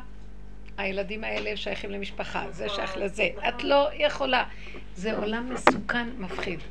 אל תתרגשי ממה שקרה. אמרת, אל תתרגשי מזה. יש בי את הרצון לתת, ובאותה מידה יש בי גם רצון לא לתת. אז יש לי. זה פשוט מצחיק, כמו איזה... החיים סיבה. סיבה שלפעמים אין ברירה, נותנים סיבה שגם תתרחקי ולא תתני. העיקר זה לא חשוב מה התוצאה, תתני, לא תתני. חשוב שלא תרדי על עצמך ולא תגידי למה אמרתי, כן אמרתי, למה אני כזאת, לא זאת. כזאת אני וככה אני על הנצח, וזה לא אני, זה המנגנון המשוגע הזה. לא רוצה להיות שייכת לו. אז אם יוצא לי לתת, אני אתן, אבל לא מתוך זה שאני שייכת לו כלום. כי את בעולם. אבל אני לא שייכת לו. לא ארד על עצמי, אני לא אתרחק, לא אחפש פתרונות, בוא נתרחק ממנה, בוא נעלם לה, בוא לא נענה על הטלפון, לא שייך כלום. זה עבודה שלך פנימית, לא לתת ממשות לשום חלק. גם לא לחלק הזה ולא לחלק הזה ולא לחלק, אתה מבין? לא לחלק שהתרחב ורצה לרגע אחד סיפוק. לא לרגע אחר כך שבאה הביקורת ואמרה למה. לא לרגע, כלום, לא להתרגש משום דבר. אבן, אבן, אבן. זה דבר על דבר על דבר על דבר, לא להתרגש מכלום. ולפעמים סיבות זה כן צריך לתת משהו. תתני הכסף שלך. מה אכפת לא, לך? אבל אולי הייתי צריכה לחיות את הסכנה. לא, לא, לא, אני כבר לא, לא. יכולים, לא יכולים לחיות את הסכנה כבר. גם עשינו המון עבודות על הדבר הזה. כבר הגעתי למקום שכל כך הרבה עבודות עשינו, הייתי צריכה זה. אתם זוכרות, עבדנו שהיינו צריכים, ועכשיו נזהר ונחיה, ונכיר את התנועה של המוח שלנו, ונכיר את התוואים שלנו, שהוא מחפש סיפוקים, והוא חושב זה הכל רמאות והכל גניבה, הכל נכון, לא יכולה לצאת מהמטריקס הזה משוגע, ששולט פה ואין לי דרך לצאת ממנו. ואם אני אה, אקח אותו ברצינות, אני אשתגע, אני עוזבת את הכל ומתחלקת, להתגלץ', לא לעמוד, לא, לא להתבונן, לא לקחת על עצמי, כי את עדיין בתוך המטריקס. את בתוך המחשבה, והיא לא תיתן לך להימלט ממנה. כמה עצות השעתי בנפסי, לא יכולתי. אמרתי, זה היא קיימת, אני פשוט לא מתרגשת ממנה ולא מהפעולה שעשיתי ולא מה שקיבלתי על עצמי ומה שברחתי ולא כלום כלום, מתחלקת וזה אבן. אז אבן יכולה לעשות דברים. אז יעלה לי הרבה כסף, גם זה תהיי אבן. אין לך כסף, הכסף לא שלך, מה שבאת תקני, לא בא, את תקני. אין לנו גם כסף, אין כאן כלום, הכל דמיון. מה, כמה כסף בזבזתי? תדעו לכם, אל תחשבו על כסף. זה כסף אתמול. יבוא, כסף ילך. ישבתי עם הפירוט של הישראכרט, הצטערתי שפתחתי את הזה, אני מסתכלת. חשכו עיניי. אני אומרת לעצמי, אבל זה הכל את, זה התחייב, נכון, נכון. בסדר, עכשיו תראי, אבל את ראית מה היא עושה? זה הכל את! את נהיית עכשיו שייכת לכת שלו. כי הוא, הוא זה הוא, הוא מבקר אותך, זה הכל את. ואז בס- ו- ועד היה לנו חלק שעבדנו ואמרנו, נכון, זה אני. יש לך בעיות? השלמתי עם עצמי, אז גם, אז גם זה זה הוא. כי את לא צריכה להגיב לו כלום, לא להתרגש ממנו, לא, לא להתרגש לו כלום, כלום. כי הכל זה הוא. אין תנועה שזה לא יהיה הוא, גם זה שמבין, גם זה שעובד על עצמו, גם זה שיודע להיזהר. רק לרגע, אחרי רגע הוא תופס אותך פה, תופס אותך פה, תופס אותך פה, עובד עלייך מפה, עובד עלייך מפה. אין דרך לצאת ממנה. רבותיי, אנחנו שבויים במערכת שאין לצאת ממנה, נקודה. אבל אני רואה מי כמוני, אתם לא יודעים איך חקרתי. שכן, בואי ניקח את התחום הכלכלי, כן הם מאוד שקולים. די, תפסיקי. הם בעץ הדת, והם, אה, יש כאלה קורסים, איך לנהל את ה... בחמש גרוש שיש לי, ואיך הכל, והם לוקחים ממך מה שאין לך גם כן. בואו, אתם תשקיעו בקור כזה שלושת אלפים שקל, אבל גרוש אין לי, אז איך אני... אז הרבנית, את בעצם אומרת במילים פשוטות אחרות, שאין לנו להיכנס, הרגש כלום. הוא בעצם הרצון שלו שיהיה ברגש על מנת שיתפתח לנו כן. איזה בלון. ממש, ממש. כלום, אז זה אין, אבן. אז אין לנו צורך לפעול, הרגש הוא הבעייתי, כן? לא- זה כל המערכת, אני קוראת לה רגש. כל עץ הדת הוא גרש. התגרשנו וזה נהיה רגש. זה התרחבות של המחשבה, התרחבות של הפרשנות, ההבנה וההרגשים והפעולות.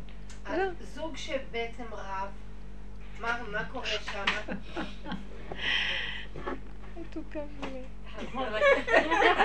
אין זוג ואין רב.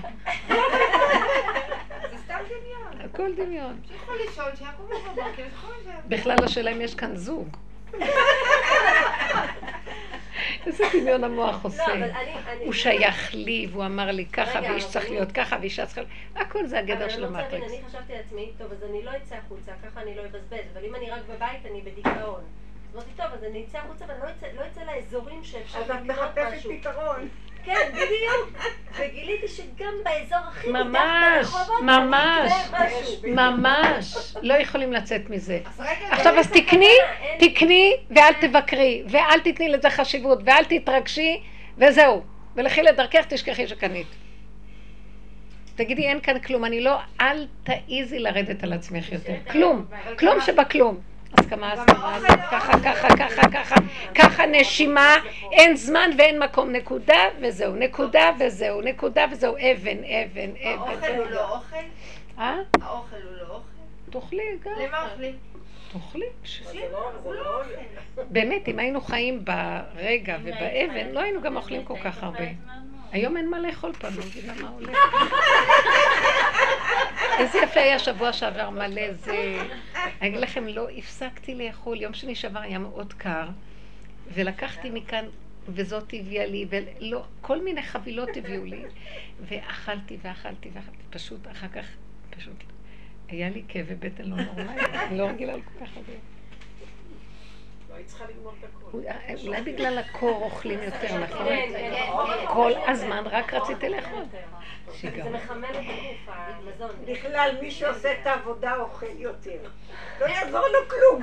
יש לו איזה לא, את יודעת מה, למה? אני אגיד לכם למה. לא, אני אגיד, העבודה הזאת, אני לא נוגעת. יורדת ויורדת. ממש לא. לא? אני אגיד לכם משהו. כתוב, אמרתי לכם שיש שלושה יהודים לימות המשיח. שלושה יהודים שהם צריכים, יהודים, לא יהודים. מה זה?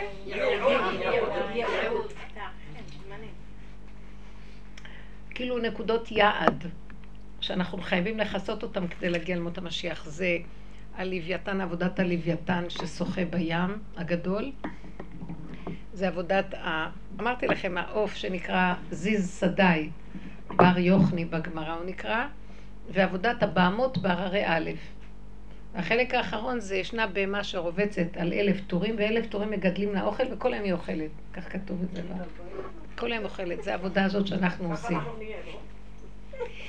אז שתי העבודות הקודמות הן עבודה על המוח, זה אור הנשמה, אור הרוח, וזה אור הנפש. הנפש זה הבהמות עמך, כל היום רק אוכלים. עכשיו, זה לא רק אוכלים, גם מה שאנחנו עושים ומפרקים ומפרקים, מה עושה אדם שהוא אוכל? הוא מפרק אוכל, על ידי זה שהוא אוכל הוא מפרק לגורמים את האוכל, כן? הוא מפרק את... לועס, לועס, לועס, מעלה גירה, לועס, עוד פעם מעלה גירה, עוד פעם לועס, עד שהוא מפרק עד דק. וזה נקרא עבודת הבהמות בהררי א', אז פירקנו את עץ הדעת. והעניין של האכילה שייך לדבר הזה. זה עוד יותר עמוק ממה שאני אומרת לכם. באמת, זה סוד של רק קשור לחושים, לבהמיות, ושם התיקון האחרון של כל יסוד משיח. וזו העבודה שדוד המלך עשה. עכשיו, כל שאר היהודים נעשו על ידי דורות קודמים. עבודת הנשמה, שזה הלוויתן, שזה החוכמה, בים החוכמה. זה עולם העלמא דאיטקסיה, ההסתרה, כאילו המחשבה מוסתרת, בתוך הים שוחה, כי הדגים נחשבים כמו מחשבות שמוסתרות ושתות בים, כן? והמים, המים של הים הגדול זה כאילו ים החוכמה, ים הבינה. והזיס שדאי זה העולם החרדי, זה היסוד של עץ הדעת טוב, זה הכנפיים שלו.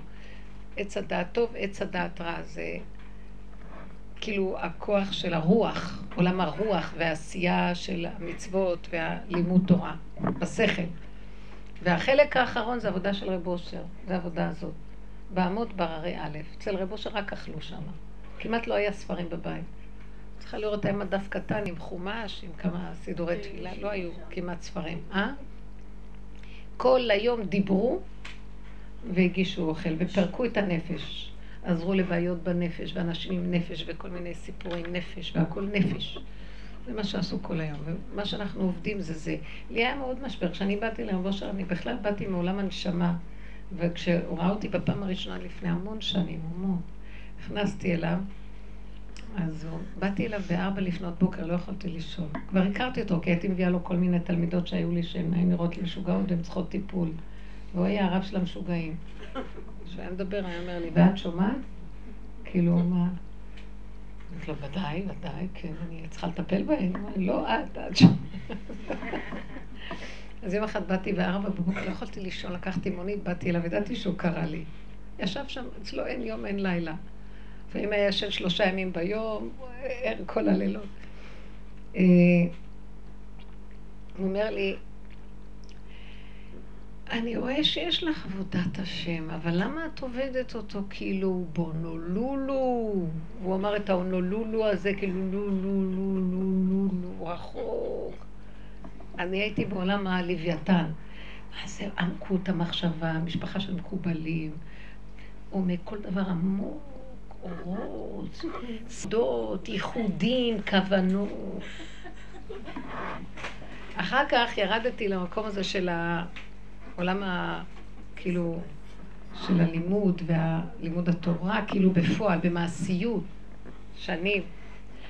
ורב אושר, כשנכנסתי קצת יותר עמוק לעניין שלו, זה לא אחר כך, בתוך כל זה הייתי בכל, בכל הזה, אבל הוא כאילו אמר לי, תבואי אליי.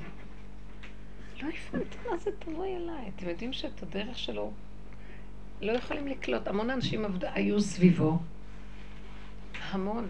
המון חסידים, המון תלמידים שלו, שלא ידעו בכלל שיש לו דרך. בכלל לא ידעו על הדרך שלו. מעטים היו קומץ של אנשים ששמעו את הדרך. וכשאני קלטתי איזה דרך יש לו, פשוט, זה לא קלטתי סתם, שמאיר לי הערות ממש. כאילו אני בלילה, לוקחים אותי למטיפתא דרקיע ואני שומעת שמה, כל הזמן. כאילו משהו כזה. היו לי חוויות מאוד עמוקות. אבל אחר כך קלטתי, שואו, מה פתאום? זה עבודת הבעמות בהררי א', מה הקשר שלי לזה? לא מתאים לי. לא מתאים לי עבודה של בעמות, אני לא מתאים לי נפש. אני עולם האור הנשמה והרוח, אני הארי ז"ל. אני קשורה לארי, אתם לא מבינים, אני קשורה לייחודים, לכוונות. אני קשורה לעולם התורה, למדנות. ישרות, ישרות, הכל כללים, חוקים, מה זה? אתם חושבים שמשהו עזר לי בכלל? כאילו כפתו אותי והכריחו אותי לתוך השלב הזה, ברמות שאי אפשר לתאר. ולקח לי המון שנים בכלל להבין שזה החלק של הבעמות בהררי א', כי עוד בדרך, עוד בהתחלה לקחתי את זה באור של הנשמה, לתאר את הדרך, אחר כך באור של הרוח. כן, זה הכל להיכנס בבוץ, בידיים, ברגליים, בהתנסות, בבשר, בכאבים. להיכנס במקום הזה שהנפש כל היום מפרקת, מפרקת, מפרקת. זו העבודה האחרונה. למה צריך את זה? למה צריך באמת לכאוב בכל, אה, בכל הדרך הזאת? כי אי אפשר לפרק בלי הכאב, כי יש הרבה דמיון מתחת לפירוק. תחשבי, תיקחי את מה שאת לא עשת ותשימי את עצמך במקומו. טוחנים אותו. נניח שאני הייתי שוכבת בין השיניים שלי. כל היום טוחנים אותי. זה התיקון שעושים, שוחקים, אה, כאילו הריחיים שוחקות מן לצדיקים, מה שכתוב. השחיקה הזאת זה מלשון ותשחק ליום אחרון, ותשחק, ותשחק, שבסוף מרוב שחיקה, שחיקה, שחיקה, סבל, כאבים, בסוף את צוחקת. אם לא תשתגעי כמובן. בסוף את צוחקת גם.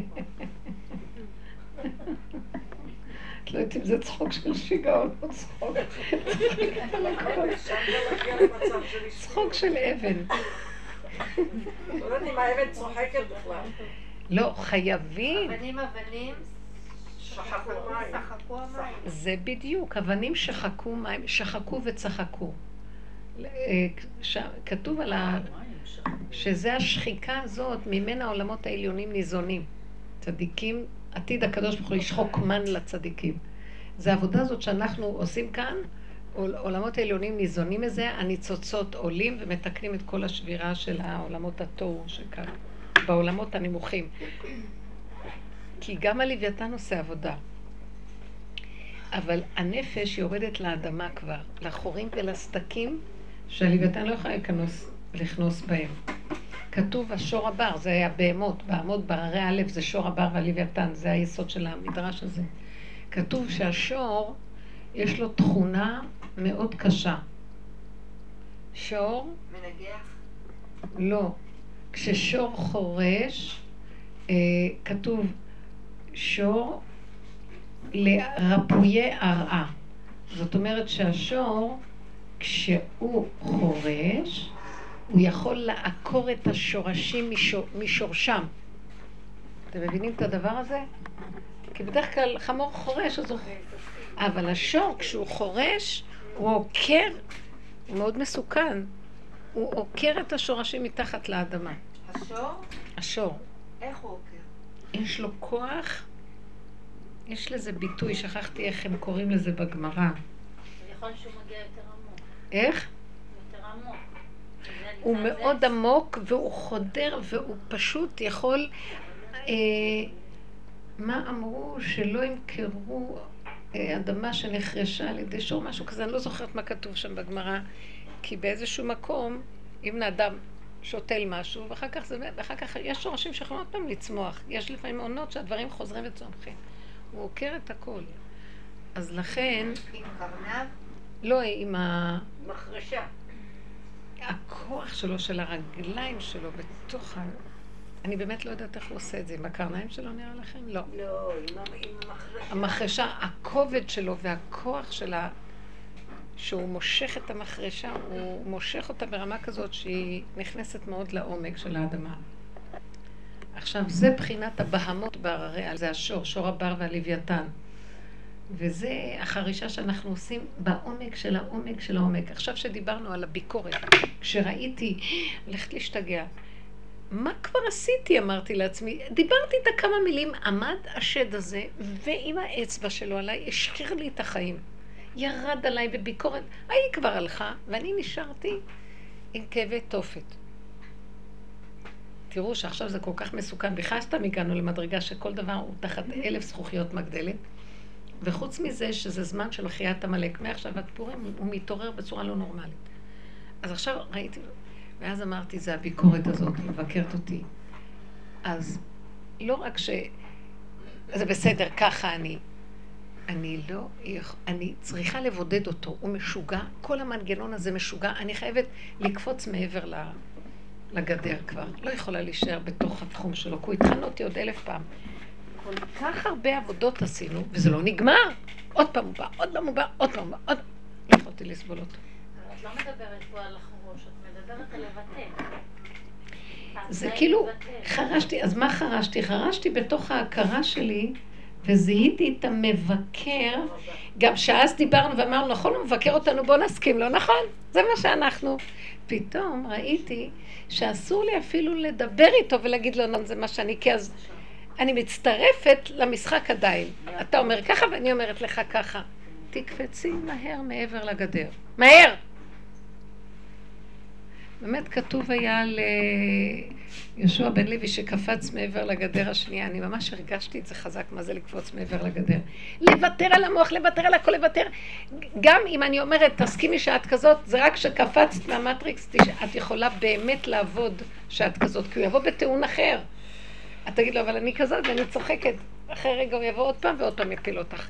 וזה מה שחרשתי יותר לעומק, להכיר שאין לזה סוף. גם העבודה הזאת שאנחנו עושים, להשלים ולצחוק מעצמנו, היא עדיין בתוך המטריקס, אני בסכנה. תקפצי וזהו, אין מטריקס בכלל. לבטל אותו לחלוטין, לא לתת לו כלום. זה לא לבטל אותו, זה לקפוץ החוצה. אי אפשר לבטל אותו, המנגנון הזה אין לו ביטול. אין לו ביטול, רק השם יעשה. לא יודעת, השם אוהב אותו גם. זה תוכנה שממשיכה לעבוד, אחר כך יכניס קבוצה אחרת של נשמות שצריכים לתקן אותה. לא, אני יוצאת החוצה, לא יכולה. עכשיו הסוף, וכמה נשמות יכולים לנצל את המצב הזה לצאת. אז שור הבר זה המקום הזה. לעומק, לעומק, לעומק, עד שלא נשאר שום דבר, לא נשאר כלום. הרגשתי שבמוצאי שבת הרגשתי, לא נשאר לי כלום. ואז באה מדרגת האבן, אבן, והאבן נמצאת למטה, אבן השתייה. היא בעומק מאוד גבוה וצריכים להקים אותה, וממנה כל תשתית העולם. זהו. אין כלום. אני דוגלת עכשיו באבן. חזרתי לתקופת האבן.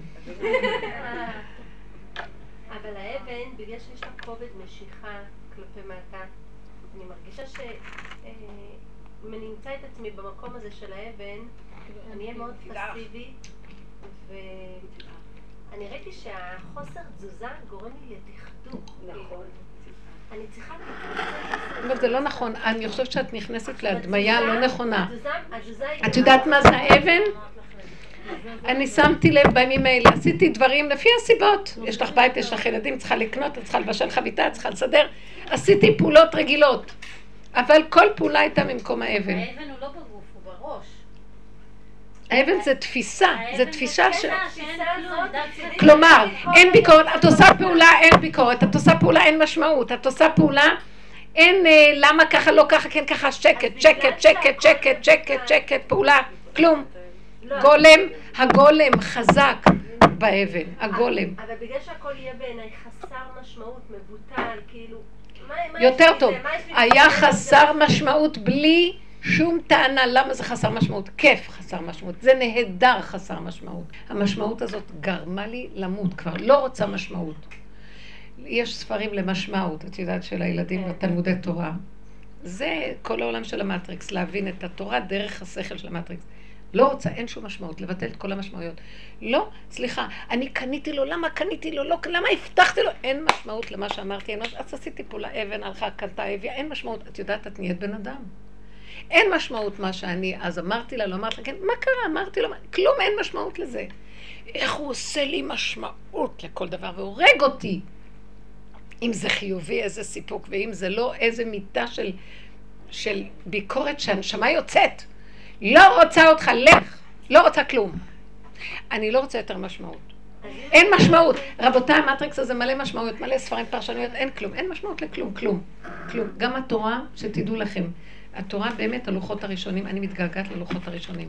כל זה זה סיפורים, אין לי כוח לשום סיפורים, זה הכל סיפורים של עולמות הבריאה, כדי לתקן את הבריאה, נגמר לי כוח, אני רוצה לעלות לעולם הרישא דלא אתיידע. יותר, לא צריך כלום. יסוד האין.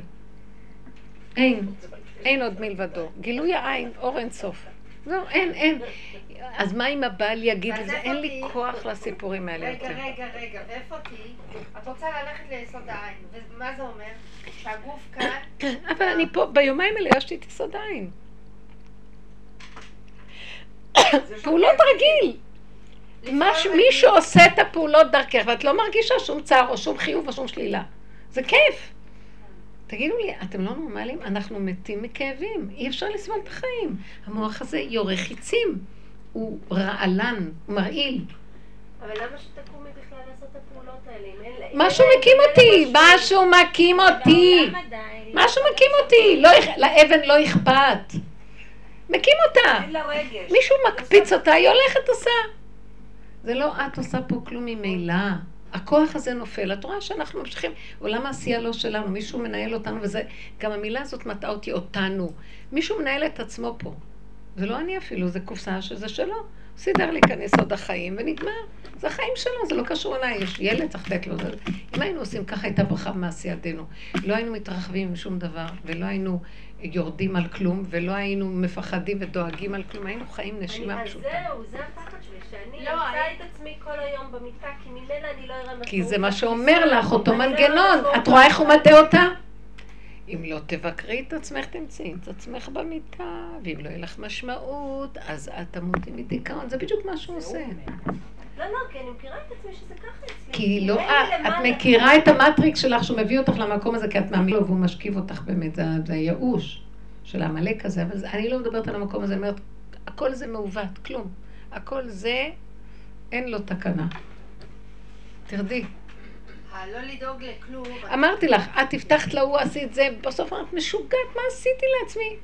אין משמעות, עשיתי, תקני, תלכי, תבואי, לא לבקר, להשלים ברמה שזה לא שלך בכלל, משוגע, שולט, אני לא רוצה עכשיו בכלל להיתקל בו, אני עושה את הפעולה. איך אני אברח ממנו? הלוא אני בתוך המטריקס, לא להתרגש, לא להתרגש מכלום. תעשי את הפעולות, לא תתרגשי, לאט לאט את יוצאת ממנו. לא להתרגש מכלום. אבן לא מתרגשת. מבינה אותי? ההתרגשות, זה המשמעות יוצרת התרגשות. כי אז את יודעת לתייג בספר, בספרייה הזאת או זאת. פשוט אני מכירה את הטבע שלי שהוא טבע של עפר, ואז כשאת אומרת לי להיות אבל ולא לתת משמעות לשום דבר, ולצאת מהתוכנית תשימי לב הזאת, שאת רק אומרת שאת לא לא נותנת משמעות רק לכביסות ולדברים האלה. למה לא אמרת שאת לא נותנת משמעות לקניות?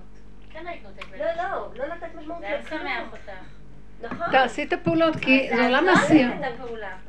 תקשיבי, את בעולם העשייה? יש לך פה מטלות. יש לך פה לא, אבל שלא אבל גם המטלות האלה. זה לא דמיון אחד גדול. לא, דבר שאת מחויבת. את חייבת ל- להכין אוכל, את חייבת להקים את הילד, את חייבת להלביש את זה, את יכולה להניק אותו, לעשות- פעולות פשוטות, בלי מחשבה. הוא גונב אותי גם בפעולה פשוטה. אני מסתכלת על נכון, הכניסות, נכון. אני ישר, יואו, היום אני אפעיל ארבע מכונות. ככה, כאילו, וזה משגע אותי. עכשיו, אם הגעתי... אל להחלטה, תתרגשי מזה שככה חשבת. זה טוחן לי את המוח. מה עם עוד שתי מכונות? מה עם עוד שתי מכונות? כן, זה כפייתי, מוח כפייתי, מדוזה. מתלבש המדוזה, כי הוא אמר כבר שתי, ארבע? מכונות, אז עכשיו היא בפחד, היא בלחץ של ארבע מכונות, כי היא אמרה כבר. אמרתי, אין משמעות למה שאמרתי. את רואה את המדוזה? את רואה? את הכפייה של המשוגע? אמרתי, מי את ומי הוא שאמרת לו, ומי המכונה, ומי הכביסה בכלל. וכל דבר עושים משמעות. אני עוד אדבר עם הכביסה ואני אריב איתה ואני אקרא אותה והיא תהרוג אותי גם. אנחנו רבים עם... אני אתקוטט, אני אהיה ברחוב, במדבר אני אתקוטט.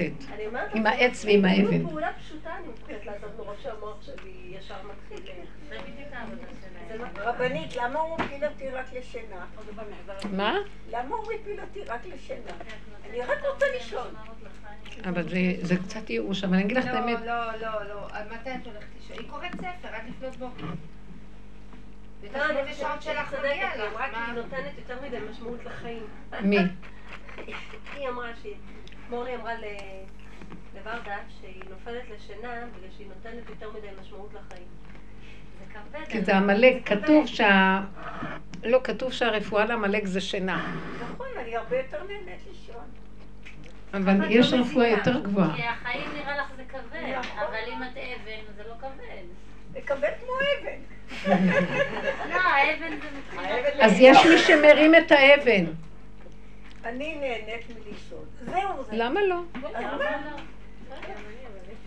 אני בטוחה שאת לא ישנה יותר מדי, זה רק אני נגמר. אני חותמת לך שהיא לא ישנה יותר מדי. את זה שעה עד שלוש לפנות בוקר? ואז היא קמה ב-10, 11. מצוין, זה לא בסדר. גמור. בסדר גמור. וכל היום היא באקשן. כן, זה הביקורת העצמית שלך על עצמך הרבה. זה, אבל ככה את מגשימה את המציאות שלך, והיא נהיית מגושמת, היא לא קיימת בכלל, תתני לה משמעות. מי זה שקרא עד שלוש, מי זה שישן, מי זה שקם, תוהו ובוהו, רבנו שאמר שצריכים להיות תוהו ובוהו. בלי משמעות של אני, תוהו ובוהו. הוא אמר שהגאולה הראשונה הייתה שהם ראו, הם קיבלו אור גדול, והם מחוצה להם ראו זה כלי ואין, ואמרו זה, זה. אה, זה אלוקינו קיווינו לו. בגאולה האחרונה זה הכל יהיה בתוך הנפש. זה לא יהיה בכלל שום דבר חיצוני, שום דבר כללי. כל אחד בדלת אמותיו יראה את החסרונות שלו, דרך החסרונות הוא יקבל את הכלום שלו, דרך הכלום שלו יגיע לתוהו ובוהו, דרך התוהו ובוהו הוא יגיע ל... הארץ הייתה תוהו ובוהו. חושך על פני תהום, אין כלום, והוא לא ייתן משמעות לשום דבר. אם הוא לא ייתן שם משמעות לכלום, ויהי אור. ויאמר אלוקים יהי אור, אור הגנוז מתגלה. הוא אומר, זה יהיה תהליך של יחידה. הגאולה האחרונה תהיה בתוך כל אחד ואחד ביחידה. לא נצפה שתהיה גאולה מספיק, זה הכל הדמיות מכל מיני אנשים שהם בדמיונותיהם רואים מה שהיה בגאולת מצרים והם רוצים שזה יהיה עוד פעם. כן, יש, יש, יש דברים דומים, אבל זה בתהליכים החיצוניים, אבל אם לאדם אין עבודה פנימית של ביטול, בהמות, אין לו מציאות, אבן, תבוא הגאולה. הוא לא ידע מה היא. אתם מבינים? הוא התנגד לה אפילו, לא היה לו היכרות איתה. חייבים לעבור את יסוד התוהו ובוהו. נדמה לי שהקראתי לכם את זה, לא? את הרבנית, אבל פה יש עוצמות ותובנות. אני לא יודעת. אני באה הביתה, מה, את באה הביתה ומה? ואני מתמודדת קשה מאוד. אל תתמודדי כלום. הנה, בגאולת מצרים זה היה בחינת ראייה, שראו והראו זה כלי. בגאולה הזו האחרונה לא יהיה כלום, יהיה דומיה, תוהו ובוהו, מרוב החסרונות. מרוב שאני ראיתי משוגע, לא שומעים. מרוב שראיתי המשוגע הזה, הביקורתי הזה, הורג אותי. פתאום ראיתי, אין לי כוח אליו, אין לי כוח לכלום, הכל כאן דמיון, דמיון, דמיון, זה מטריקס שלא נגמר, זה לא נגמר, יבוא, הוא ש... ייתן משמעות, הוא יענה לי, אני אענה לו, אני אצחק עליו, הוא יערוב לי, בהתחלה אני אתגבר עליו, הוא יתגבר עליי אחר כך, אין לי כוח! ירדתי לחיסרון שלי, אני לא רוצה להיות כלום מציאות. גולם, גולם יותר טוב, תחליק אותי החוצה. הרגשתי שאני כאילו מתחלקת על מדרון חיצוני. ממש, לדעתי יש עכשיו איזה אור כזה שמישהו רוצה יכול. ככה זה נראה. אז הוא אומר שמרוב החסרונות יגיע העולם להכרה שהוא כולו תוהו ובוהו. זה אני רואה תוהו ובוהו. בשביל מה את מתרגשת? כלום, אין לך, זה לא שלך העולם. כלום לא שייך לך, זה רק דמיונות, כוחות. כוח של זיכרון, כוח של ביקורת, כוח של התבוננות, כוח של ידענות. כוחות, כוחות, כוחות רבים אחד עם השנים. נמאס לי מהכוחות. לא רוצה כוחות. זה נקרא חסרונות. תרוקני את הכוחות, תישארי ריק, תוהו ובוהו. אין לך כוחות. אז הוא אומר שכבר לא תהיה כל אחיזה כשנגיע לתוהו ובוהו, ואז יהיו לתוהו ובוהו של ששת ימי בראשית. בר... יתחילו לחיות עם בראשית ברא אלוקים את השמיים ואת הארץ, והארץ הייתה תוהו ובוהו. ויהיה תוהו ובוהו של ששת ימי בראשית. ואז לא יגידו זה כלי, כי לא יראו זה כלי בכלל. כי לא יהיה כזה דבר גם. זה המוח. כי אז הם ראו דבר חיובי גדול. עכשיו, לא רואים כלום, לא רואים, אין אורות, כמו שהיה ביציאת מצרים. אין. חושך. אז ברגע שהוא אמר, השם יסדר לך את הזה, אני, איך, איך הוא אמר לו? אם השם ירצה, אני אסדר את החבילה שלך. הוא סתם, הוא הדליק לו, כי אין כלום עכשיו, למה אתה מדבר? איפה אתה רואה השם? זה כנראה איזה אחד שהיה פעם דתי וחזר בשאלה. אז גם אומרים בעזרת השם. אז תקציב בעזרת השם, אז מה אתה עושה טעות? אז אם, אז יגיעו לטוב, ואז יתחילו לחיות, ואז יהיו טוב ובוהו, ולא יגידו זה כלי, לא יראו זה כלי, רק כל אחד מבשרי יחזה אלוקיו. כל אחד יגיע מהבשר שלו. מה זה מהבשר? מהמציאות. אני ראיתי מהכאבים שזה עשה לי, לא רוצה כלום. לא רוצה שלום, לא רוצה כלום. אז לא יהיה שום זה כלי וענווהו. כל אחד בתוך עצמו יחיה שזה השם. זהו. בתוך סיבה. הסיבה תתגלה והוא יהיה ריק. זה משהו אחר ממה שאנחנו מדמיינים, לא? אני יודעת שהוא אומר דבר אמיתי, כי אני חווה את זה על עצמי. אני אגיד לך, אני ראיתי שכל השכל הזה, וכל הידיעות, וכל הזה, זה בכל מקרה זה לא עוזר. זה לא עוזר, אני אומרת... לא, זה לא עוזר רק לדבר אחד. זה לא עוזר לכלום. זה לפרק אין את הכל. לפרק. זה הביא לי לא, אם פירוק. את הולכת על הצד האחר, לא אומר שאת הולכת על הצד האחר, שלא כמו שאת אומרת, לפרק... אבל לא הייתי יכולה- ודברים... לא הייתי יכולה להגיע לתוהו ובוהו אם לא עבדתי את כל הפירוק הזה, כי זה מכניס אותי כל פעם. הוא נותן לך הדמיה שיש חוכמה, והשם עוד מעט יגיע ומשיח, שקר, אין כלום. אין כלום, הכל דמיון של עץ הדת. אז מה את מסבירה לגבי אנשים שזו אוכלוסייה גדולה ביהדות שלנו, שכולה חיה רק מעץ הדת ומהדמיון? זה לא נכון. חכמים אמיתיים לא מדברים בכלל משיח ולא חושבים משיח ולא שום דבר. הם חיים בדלת אמות אמיתיים, הם עושים דברים קטנים. מה זה-. אחכה לו בכל יום שיבוא? לא חיים משיח, נראה לי לא חיים פירושים אולי. נו, תגידי את. יואו, יואו, זה מזכיר לי שכתבתי ברכה למישהי, באחת המתנות שקניתי, כתבתי ברכה. המילים הראשונות שיצא לי, שיהיה לך בהצלחה בלימודים, שזה זה זה, זה זה זה זה זה, וסיימתי, ובאמת זה דברים שזרמו לי. פתאום המוח הזה אמר, מה לא כתב? שיבוא משיח, שיבנה בית המקדש, כאילו כל הדברים, כאילו הרגשתי שזה כאילו רובד אחר. כאילו זאת, החלק הראשון של הברכה, זה היה הברכה האמיתית. והקטע שלה כאילו שיבנה בית המקדש ומראה באמת... הכל קשקוש. זה כבר היה כאילו סתם כי צריך אני זוכרת וכולם בדיוק, זה. סתם, כי זה עץ הדעת, אומר. גם בעץ הדת את אומרת, את שואלת, וכל יום מחק אלו? תקשיבי. היא שואלת, ומה זה בכל יום מחק אלו? זה גם חלק מהתוכנה של עץ הדת. כל הזמן אנחנו מחכים, זו תוכנה מסודרת, ובגלל זה שמחכים הוא לא יבוא. כי בכל יום מחכה לו, זאת אומרת מחר, מחרתיים שלו, זאת אומרת שהוא לא יבוא. כי לא- איזה, לא יפה להגיד בכל יום מחכה לו. ישר אומרים לי שהוא לא יבוא, כי אז בכל יום אני צריכה לחכות לו. יגידו לי, ביום חמישי תחכי לו. כל יום אני אחכה לו, יואו, איזה ייאוש. כל הדורות רק מחכים לו כל הזמן, בגלל שזו תוכנה כזאת. ועצם החיקיון לא מביא אותו, אבל צריכים לחכות כדי שהוא לא יבוא, כי בתוכנה הזאת אסור שהוא יגיע. תוכנת עץ הדת, אז אין משיח. על זה אני מדברת. איפה נמצא משיח? תלכו לטוב ובואו לחיסרון, אין כלום. סגרו את התיק, תתגלשו מהמטריקס. הנה משיח. אז היא אומרת, אז איך, תסבירי שכתוב שכל יום מחכה לו? זה תוכנה אחרת. אמרו שיש מי למשיח, בהיסח- המשיח. כולם, התנגדו. כולם התנגדו, זה העניין. כל אלה שבתוכנת... יבוא. ממש. לא יכול להיות, בכלל לא יכול להיות, התוכנה של עץ הדת היא סותרת את מציאות משיח. כי תוכנת הטבע, והטבע מתנגד למשיח. הטבע הוא אנטיתזה של משיח. לכן הוא אומר, תצאו מהטבע, תוהו ובוהו. זה כאילו, את מוציאה את התוכנה, שמה אותה פה פה פה פה פה. משיח, אליהו הנביא. עכשיו, כל מה שכתבו זה נכון.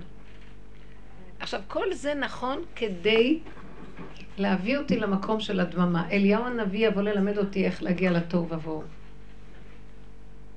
ואליהו הנביא פה, זה הדרך שלו, פשוט לי. ברור. הוא ילמד אותנו לחזור בתשובה, להשיב את המקום, לפרק את הכל ולהחזיר. אליהו הנביא היה פרקן, הוא מפרק הכי גדול שיש. אליהו הנביא לא היה צורך לו כלום בעולם, כלום. הוא אכל בגד היה לאור- לאורו ואוכל לא 40 יום. פרק את הכל, אין כלום. הוא יבוא לה- להגיד לנו, אין כלום, אין כלום, אין כלום, אין כלום, אין כלום. שיבוא כבר. הוא בא כבר. את עובדת בדרך הזאת. הוא פה, הוא מחכה אני. לא מבין, אתם מבינים מה קורה? שעץ הדת לא... הוא רואה אותו ואומר, שיבוא כבר. הוא עומד מול אומר, שיבוא כבר. את לא מבינה שאני אליהו הנביא? כן. האמת שכן. אני לא רוצה שתלכי. את כאן, כיף לי. בא הביתה. אבל אליהו הנביא רוצה משכורת. אבל בשביל מה הוא צריך? זה שום דבר. לא, משכורת. תראי, יש אליהו הנביא אה, כזה.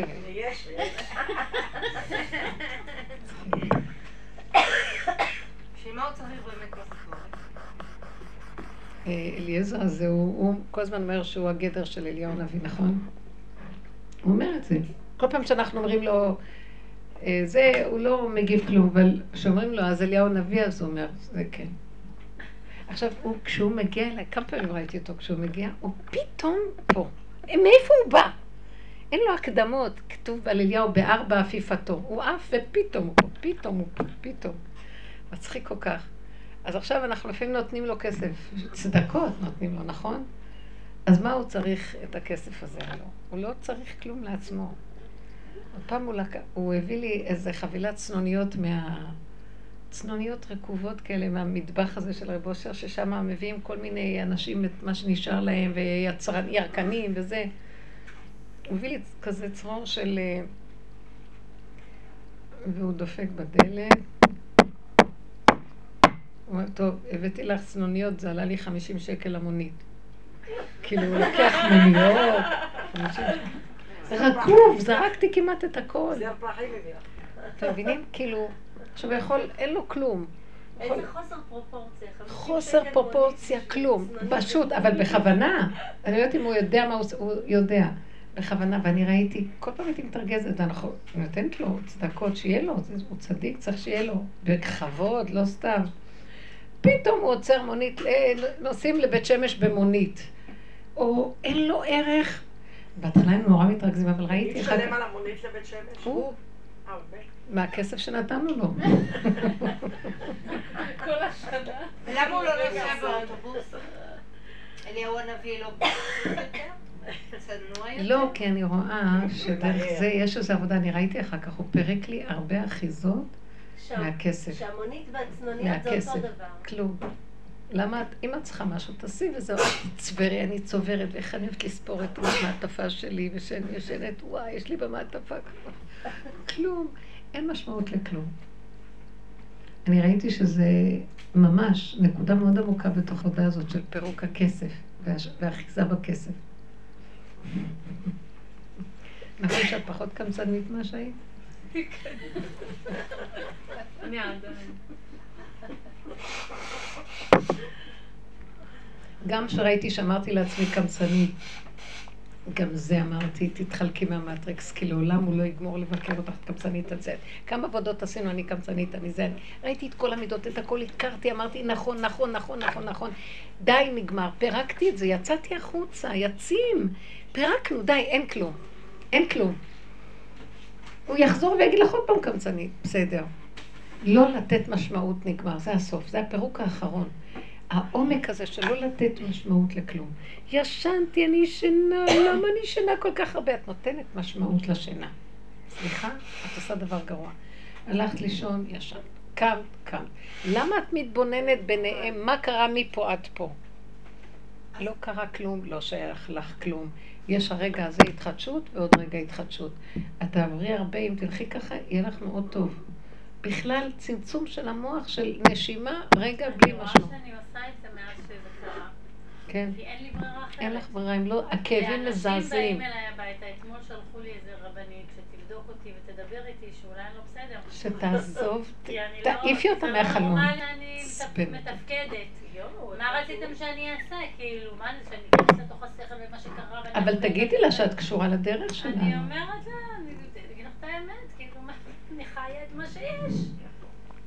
הדחקה. תגידי לה הדחקה. מה את רוצה שאני אעשה? שאני אעמוד מול זה ואני אחיה את זה? כן, כאילו, אומרים. אבל אני אגיד לך את האמת, תישארי שם. רק תדברי עם השם, אבא.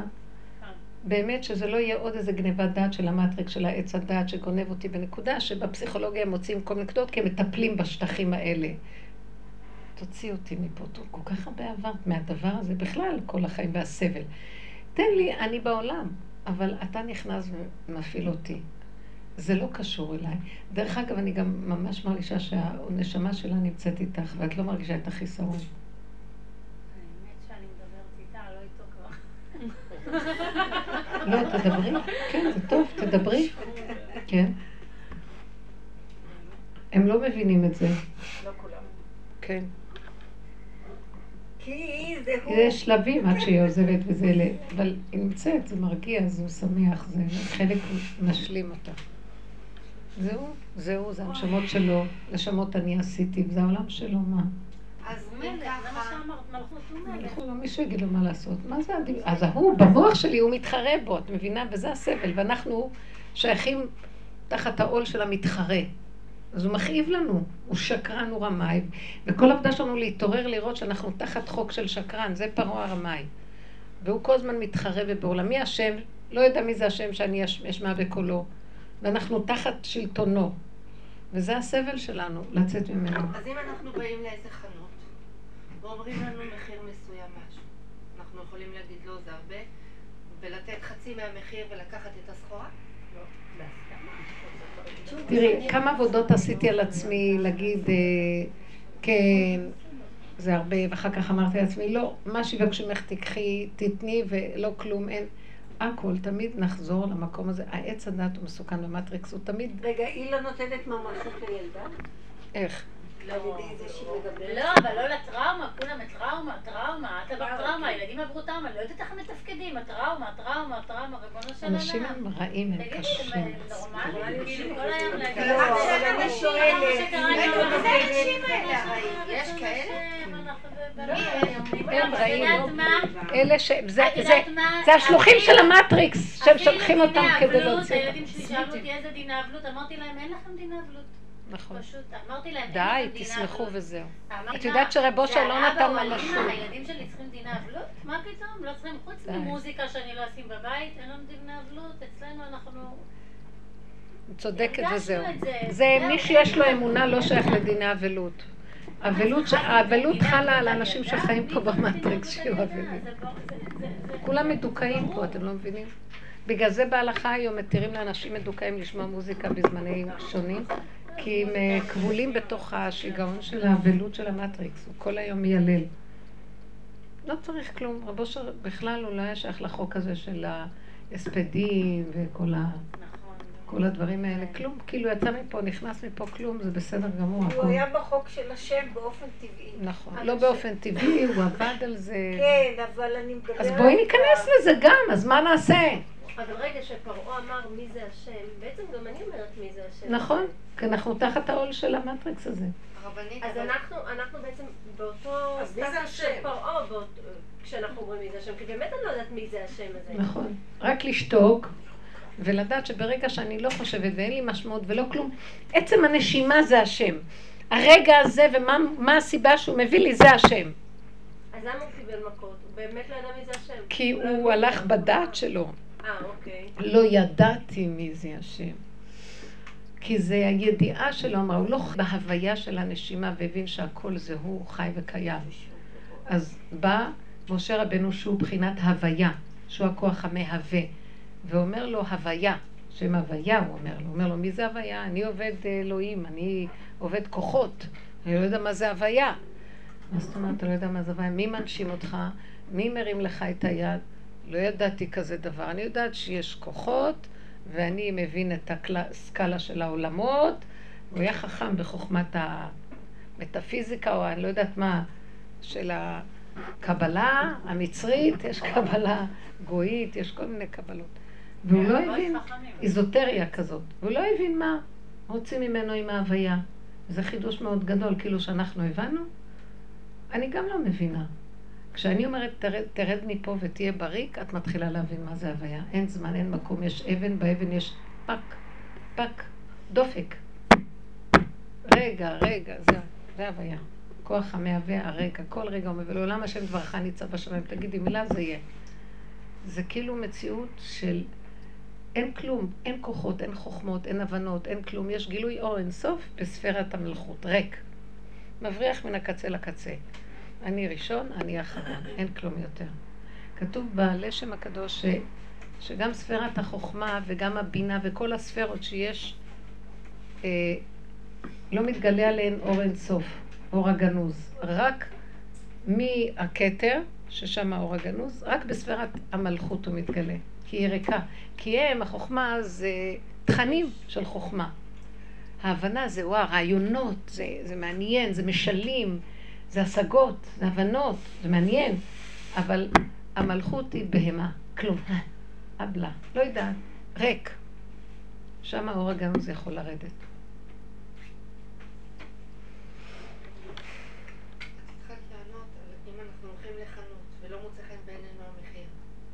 לא חשוב, תתק... את יכולה להגיד לו, אני... תתווכחי. את לי... את יכולה להתווכח, אבל אל תאמיני לוויכוח שלך. תפעלי פעולה ואל תתני לה ממשות. משמעות. הבנת? אז תתווכחי, מקסימום את חוסכת חמש שקל. שישי. אנחנו כל כך אוהבים לחסוך את הגרוש הזה, ואיזה הרגשה של ניצחון אנחנו... אל תתני ממש... בסוף את הולכת קונה גלידה ב-25 שקלים. ונבלעת לך תוך שנייה ולא נודע כי בא אל קרבנה. איזה מצחיק הבן אדם, פשוט. ההורה שבא אליי לגן ולא שילם את מה שאני דרשתי. אותו דבר. לא לתת לו ממשות? להגיד, אוקיי, זה מאת השם?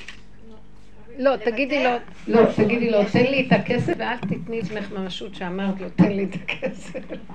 מה יש לך להפסיד? ייתן לך כסף, זה טוב, אחרי רגע תבזבזי אותו. אנחנו נותנים ממשות יותר מדי לדמויות, לכסף, והכל. אני מאוד רוצה, נמאס לי, אני לא רוצה להגיע לאבן, אין לי כוח לממשות. ולכאב, הרבנית, הכאב הפיזי, את נותנת משמעות? כואב לי ואני מנסה, לאחרונה הבטן מאוד כואבת לי. כל מה שאני אוכלת בחלק התחתון של המעיים, וזה מקרין לי על האזור התחתון של הגב, זה כבר חצי שנה ככה, ועכשיו נהיה יותר גרוע. היא אומרת אז שגם... מה את נותנת אני? שומעת מאנשים כאן, לפעמים זה גם קרירות הרבנית. קררות, התקררות. כן. נכון, גם אבל נכון. תגידי לי רק דבר אחד, את לא. נותנת לי... אז את יכולה להתעלם מזה ולא לתת לזה משמעות. אני משתדלת לא לתת לזה ממשות. אני נושמת לתוך זה ומבקשת מהשם ש... אני מבקשת מהדיבור, אני לא יודעת מה זה השם. שאני לא אכנס בזה ואני לא אתן לו משמעות ואני אחבר את זה אליו, לאנרגיית החיים של הדופק, ואין לי כלום. בשנייה יכול לקחת לי הכל, ככה אז אני... את לא תלכי לרופא. לא, לא אז- רוצה אז לחשוב למי על זה. מדברת? מה? את- אומרת- הדיבור, אני מדברת לכאב. למי את פונה? הכאב, הכאב. מה את חייבת לדבר. למישהו? איזה מפגרים אנחנו. את כן, לא יכולה אני לדבר כל סתם? הזמן חשבתי שאני את. חייבת שכל דיבור יהיה מופנה למישהו? אבל למה לכאב ולא לבטן? לבטן. כן, אומרים לדבר אל האיברים. כן, לבטן, בסדר, לא חשוב. כן, זה. במקום כואב. ואני לא מוכנה לוותר לאכול. רגע, אבל אני להתלונן. אוכלת כואב לי, אני לא אוותר על האוכל. גם אני אותו הדבר, בשום פנים ואופן. לא אוותר. לא אבל אוותר על את רק הולכת ומצטמקת. כן? כן? באמת. זה יפה לו. כתוב, מצטמק ויפה לו. לא, לא יפה לי בכלל, אני מתקמטת, אני לא... הרבנית. נהייתי נורא מבוגרת, לא? לא. ממש? לא. זה- איזה זה משמעות יש לזה. בכלל, איזה משמעות. זה הביקורת של העמלק, מה קרה איזה? משמעות יש לזה. באמת, לאחרונה יש לי תשישות מכל המשמעויות. נמאס כבר. תלכי ככה, לא תעשי ככה, תצאי ממה שיש, תתלבשי משהו. אין כלום, אין בני אדם, אין משהו להתחשבן עם מישהו לעשות. הכל דמיון. אז רגע, אז שהבן שואל אותך, איך את מרגישה? לא תגידי לו שהבטן כואבת והגב כואב והרגליים יאללה, מה כואבים. פתאום, אני לא אומרת להם שום דבר. אני לא אומרת לו שום דבר. אני לא ראיתי שכדאי לי להגיד. לפעמים לא נשאר הרבה על מה לדבר. אז אני סתם אומרת, סתם שיהיה איזה שיחה. אני אין לי כבר בכלל שיחה. תדברי בלי משמעות. למה אתם לא מבינים מה אני אומרת? בלי משמעות? מה? למה את מתכוונת מדברים בלי משמעות? אל תתייחסי ברצינות לדברים. אין, את אומרת דברים ואין להם משמעות, אין להם תוכן. יש להם, הם ריקים. בלה בלה בלה בלה בלה. מה קרה? אז מה כל כך חשוב פה הרצינות שיש פה כל היום? אני לא מבינה. הבן שלי יושב ולומד באיזה קודם. ישנו אחד שמעביר שם, אה. אז הוא מתחיל לדבר על נושא, אז הוא אומר, אז אה, כתוב כך ככה, וזה, וזה, וזה, וזה, וזה, וזה, וזה, וזה, וזה, וזה, וזה, נגמר, זהו, הוא גמר לדבר. כולם הבינו מה שהוא אמר. הוא לא מדבר, הוא לא מרבה במילים. נו, פשוט זה בן אדם שלא מרבה במילים ומבינים אותו. אז מה? אין משמעות למיל... אה, אה, הוא לא צריך לפרשן ולשחק ולעשות אה, משהו, רעש וצלצולים מכל דבר שהוא מלמד, וקולטים את כל מה שהוא רצה להגיד. אז מה הם עושים שם כל הזמן? שותקים? לומדים, הם לומדים. בסדר. אז הוא שואל אותם, הבנתם? אז מי שלא הבין, הוא לא היה מההתחלה, אתה- זה, זה, זה, זה וזה וזה וזה. אבל מי שהיה, הכל ברור לו. לא משעמם. לא... מה זה אם? אין קושיות, אז אין חידוד. הגברים לא עובדים ככה, לא. הם צריכים להקשות. הגברים צריכים להקשות, והם צריכים אה, לפרק ולתרץ. הם אבנים. לא, טוב, זה לא אבל אם במשהו שצריך לתרץ. יכול להיות שזה דברי לא. אגדתא. כן. או זה, או הלכה, או משהו שמעבירים. מה, זה לא ברור לך? מה, הבנת או לא הבנת? אז הוא אומר שהם הם פשוט מבינים מה שהוא אומר. הוא לא מרבה במילים. אולי הוא מים והם אבנים.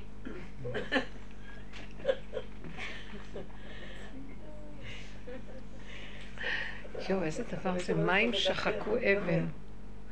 המים זה, אומרים שמים זה קשור לכל העולם, לעולם הרגש, כאילו כל הרגש זה מים, בדרך כלל, זה מה שאני יודעת ביסודות, אז המים זה הרגש.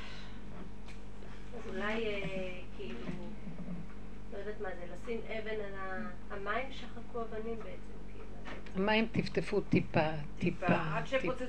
טיפה, טיפה. טיפה, טיפה. מה זה הגרשנו מעט מעט?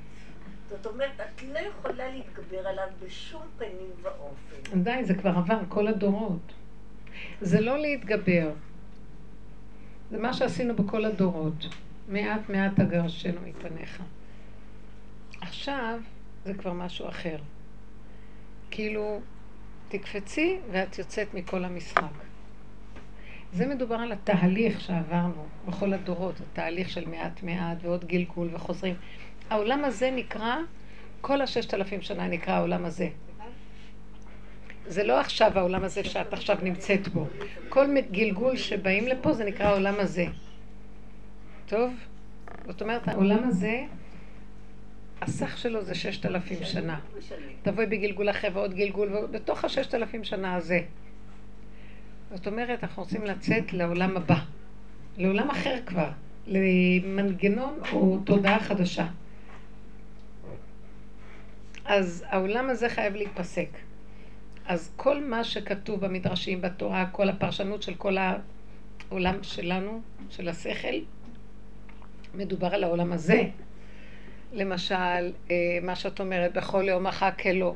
זה תוכנית של העולם הזה. אה, מעט מעט תגרשנו מפניך, תוכנית של העולם הזה. כל צורת התורה, איך שהיא כתובה, והמפרשים, והכל שייך לעולם הזה. כשיורדים מהעולם הזה, זו תוכנית אחרת. אותה תורה היא נהיית קודים קטנה קטנה, אין בה פרטים כמעט. חוזרים ללוחות הראשונים. הכל דק וקטן ופשוט, ואין את הרגש ואת פרשנות ורחבות, אין כלום, אין את ההסתעפות של עץ הדעת. יש נקודה, יסוד החוכמה. התורה יש בה נקודות. כל הסיפורים של התורה, מה עושים המקובלים? הם לוקחים את כל התורה והם אומרים, עולם הבריאה נקרא רחל, עולם ה... אה, זה נקרא אצילות, עולם אה, לאה נקרא, לוקחים את זה כיסודות. לוקחים את הדמויות, אברהם זה עולם, אה, זה ג' ראשונים, אברהם, יצחק ויעקב, יש ג' ראשונים, מה שנקרא בעולם הקבלה. הם לוקחים את זה ומשתמשים בזה, זה תמונות שהפרינציפים מלובשים עליהם, או הפרינצ... התמונה מלובשת על הפרינציפ. הם מפרקים את התמונה, לוקחים פרינציפ, פרינציפ. עיקרון, עיקרון, עיקרון. כל עולם הקבלה הוא עקרונות. עקרונות. כל הזוהר הוא עקרונות. נגמרת התורה. אתם מבינים מה אני מתכוונת? התורה, איך שאנחנו מספרים את הסיפורים שלה, ושרה אימנו, בסדר, יש שם איזה נקודה ששרה מסמלת משהו, זה מסמל משהו, זה נקודה משהו. אז הם עובדים ברמה של החוכמה. חוכמה היא לוקחת נקודה אחת, זה האקסיומטיות, הראשוניות של הדבר. לא טה וכל הפרטים. אז ככה אנחנו עכשיו צריכים לצאת מכל הרחבות והריבוי ולקחת נקודה. נקודה. נקודה. עד שנש... מכל הנקודות האלה, לאחרונה אני מרגיעה לאפס. אין שום נקודה. אין כלום. גם היוד שהיא נקודה ראשונית, גם היא כבר נעלמת. אפס. אין כלום. מה כזה. זה קשה להסביר את זה. אני, אני קוראת, אני קוראת את הפרשיות ואז אני רואה... אתם לא מבינים, אנחנו נצטרך להסתכל על הפרשה ולראות טק, טק, טק, טק, שלום. הכל זה תוספות. לא יודעת איך להסביר את זה? יש המון התרחבות של המון פרטים, וגם הם חוזרים על עצמם בעקרונות, אם תשימו לב.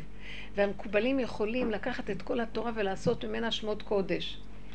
הם מצרפים את השמות ולמשל הם לוקחים מהפסוק הגדול הזה את סוף האות האחרונה, את האות הראשונה, את האות השלישית או החמישית, שם קדוש.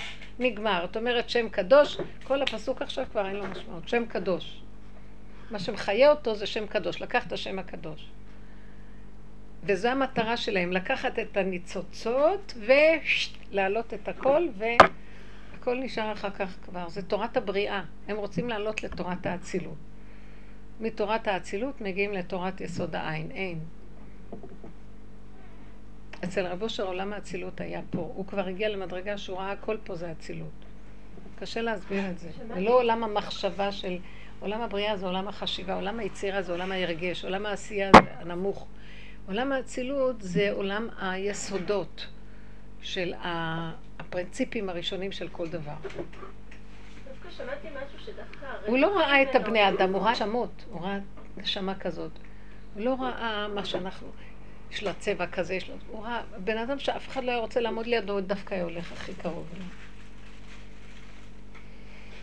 מה? שמעתי דווקא משהו שהתורה הכי גבוהה זה בעצם הרווחים שבין האותיות, כאילו, דווקא... העין. זה יסוד העין. כן, זה ה... כי למה? תקשיבי, כי האותיות הן מכסות על העין. זה לבן על גבי שחור, נכון? זה, הוא כותב את השחור שחור על גבי הלבן, לבן. שחור על גבי לבן. אז הכל היה לבן, ובאו הכלים, והכלים, כלים, הכלים יוצרים מבנה, יוצאים עולמות. כל המטרה היא לקחת את הקוד שבונה את המילה, להוציא אותו, נגמרו עולמות. בורא עולמות ומחריבן. לקראת הסוף אלף השביעי, אלף חרוב. אין לו נשאר כלום. כי העלו את הכל למעלה, וזהו. עכשיו עובדים ברובד אחר. לא שלא נשאר עולם, עולם הבריאה, תיקנו אותו, עכשיו עולם האצילות. תקשיבו, כל הדורות האלה זה תיקונים, תיקונים, תיקונים, הכל עולה. אני, אין לי סבלנות כבר להישאר. אני מרגישה, אני רוצה רק לחפש איפה הקוד הראשי של כל דבר. מה יש פה? שראיתי את המשוגע הזה עוד פעם יורד עליי ונהיה לי, אני פריירית שלו, מפגע, מצא אותי חץ למטרה, לא יכולה לסבול כבר את כל המערכת הזאת שלא נגמרת, להציק לי ולהכאיב לי. תלויה בזה, ואם זה יחייך לי טוב, ואם לא יחייך לי איזה כאבים, אם לא, לא יכולה, כמה עבודות עשיתי, כמה הבנתי, כמה ראיתי, כמה פירקתי, הכל, זה לא נגמר. לקפוץ החוצה. אבן, לא יכולה לסבול יותר. אין לזה סוף, זה לא נגמר. אני בטוחה שגם אלה שכבר העלו את הכל, יבואו נשמות חדשות וילעשו את מה שנשאר עוד כדי... זה תיקונים של דורות. ימשיכו לתקן עוד, לחפש את משהו בגבייה שנשארה שם, עוד משהו. זאת אומרת שאבן פירושה לא רגש, לא פרשנות, כן. לא התרחבות, לא ביקורת. את יודעת שאבן נקראת השכינה, היא נקראת אבן, והיא בעצם אה, אור, מלכות אור אין סוף, שהיא האור הראשוני שהתחיל את הכל. אבן הראשה, שהשם זרק אבן למטה, והנקודה הזאת פתחה את כל הבריאות, בריאת העולמות. אם אפשר להבין מדרש כזה. אבן, זאת אומרת, אם יש רגש, אז אנחנו בעצם נמצאים עם השד. אז מה הם? עם השד. ברור. הרגש. רב אושר בחצר שלו מאוד עבדו על המקום הזה שלא יהיה רגש. כלום. שום דבר, לא להתרגש. מת מישהו והוא לא מתרגש. לא, רק עבר לפה. מה יש יותר מזה? היה לו צער על דבר שמישהו בעולם הזה שאפשר היה לעזור לו, לעשות לו, לתקן, וההוא שם לו מכשול, על זה הוא הצטער יותר. דבר שנגמר ואין לו יכולת יותר לתקן אותו פה. הוא היה אומר, ביום באים אליי החיים, בלילה המתים, שאני אתקן אותם. כל היום עבד על תיקונים. היה אומר, אם הייתם שומעים את, הנ... את הקולות של הנשמות הארטילאיות, שהם יצאו מהעולם בלי תיקון, הי... הייתם מזדעזעים מה... מהצעקות והחרדה, רודפים אחריהם. מזעזע. כן? הוא אומר, אל תצאו מהעולם בלי תיקון, תעבדו, תתעקשו על עצמכם. העבודה שלו זה בחורים ובסדקים לפרק את המטריקס, כי הוא רודף אחריך גם אחרי והוא מגלגל אותך שוב פעם, ואתה לא נגמר.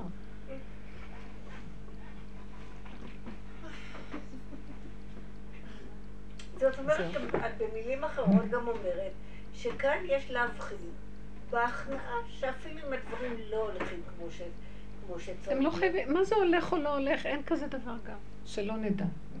כן. שלא נדע. שלא ייגעו בנו.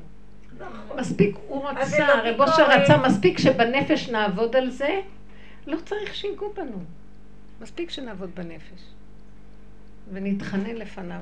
כי רק את זה הוא רוצה, הוא לא רוצה להכות בנו, הוא רוצה שנתעורר. אם התעוררנו, חייבים להכות.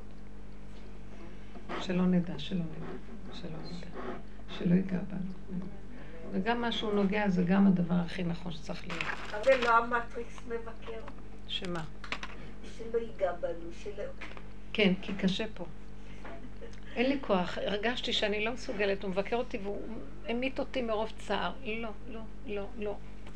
אבן זה טוב. אין לי כוח. לא הם ולא שכרם, האיסורים קשים על האדם. נשמות יוצאים מהעולם, יותר כיף להם. אלה שנשארים, סבל לא נורמלי. אז את הסבל הזה צריכים ללמוד לבטל. זה לא נגמר עד מדרגת האבן. האבן היא משהו. שמים אבן על הבן אדם, גולל, שקט.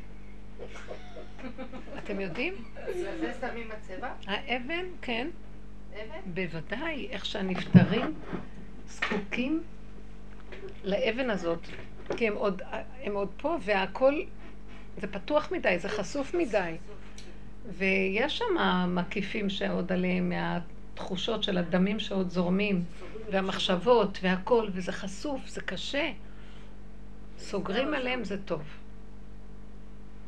כן? האבן זה עושה... כמו שן בלי כיסוי, איך? שן בלי כיסוי, והיא מרגישה את כל הכאבים ואת החום ואת הקור, אבל כשסוגרים לכתר, היא נרגעה. כן. אני ככה מתארת לעצמי. לא, כן, כן, יש משהו, אבן הזאת, לא סתם שמים מצבות.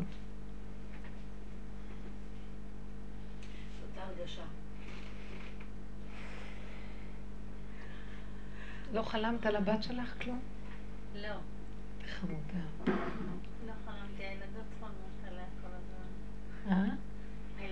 הילדות חולמות עליה? כן, הקטנים הם, הם מרגישים ורואים. כן, מה הם חלמו? הם ממש חולמים עליה. טוב, הם לגמרי חולמות על משיח. כן. משיח, ושהיא באה, ושהיא מחבקת אותה, ושהיא. כן. כולם מדברים על משיח היום, זה יכול להיות שבאמת משהו מאוד קרוב. האמת שנסעתי לרבי שמעון ליומיים, הייתי שם ככה, נסעתי. אז uh, הייתה שם איזה מישהי מההומלסים שגרים שם, את יודעת, שם כאלה, קראו לה, קוראים לה נחמה. שאמרתי לה שממש כאילו, והיא גם דיברה איתי על חלומות. עכשיו, כל החלומות הם מציאות אצלה. כלומר, עד שאני קלטתי שכשהיא אומרת לי משהו, היא התכוונה לחלום, היא אומרת, אני ראיתי. אז היא, היא אומרת, אני ראיתי, מדברת, אני זה, הוא בא אליי והוא דיבר איתי, הוא, עד שהבנתי שהיא מדברת לחלום, שחלמה שזה, זה. אז היא גם אמרה לי, ולא חלמת אותה עדיין? טוב, תחלמי אותה, חמודה כזאת. היא כזאת, אין לה כלום, שום כלום, ויש לה כזה, הנחמה הזאת. הנחמה הזאת, לא. חווה כשמה היא. היא מצפת, נכון? יש לה, אה, יש איזושהי דירה כנראה, כנראה ש... מה זה היא מצפת? יש שם איזה בית שכנראה לה, מישהו. נותן לה לישון שם. היא. מגיעה הרבה ליפעת. מה היא מביאה ליפעת? לא מה. מה. מגיעה, היא אמרה שהיא מי זאת מגיעה. היא? היא מגיעה, אה. לא מביאה, מגיעה. מגיעה ליפעת בירושלים.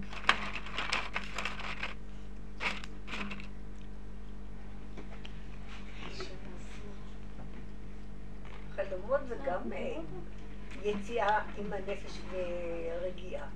כי אתה לא בעולם הזה. חלומות זה, ה... זה התרוקנות, זה כאילו אה, מנגנון שעוזר לבן אדם להתרוקן מהרשמים של היום כדי נכון. לשחרר את המתחים שלו.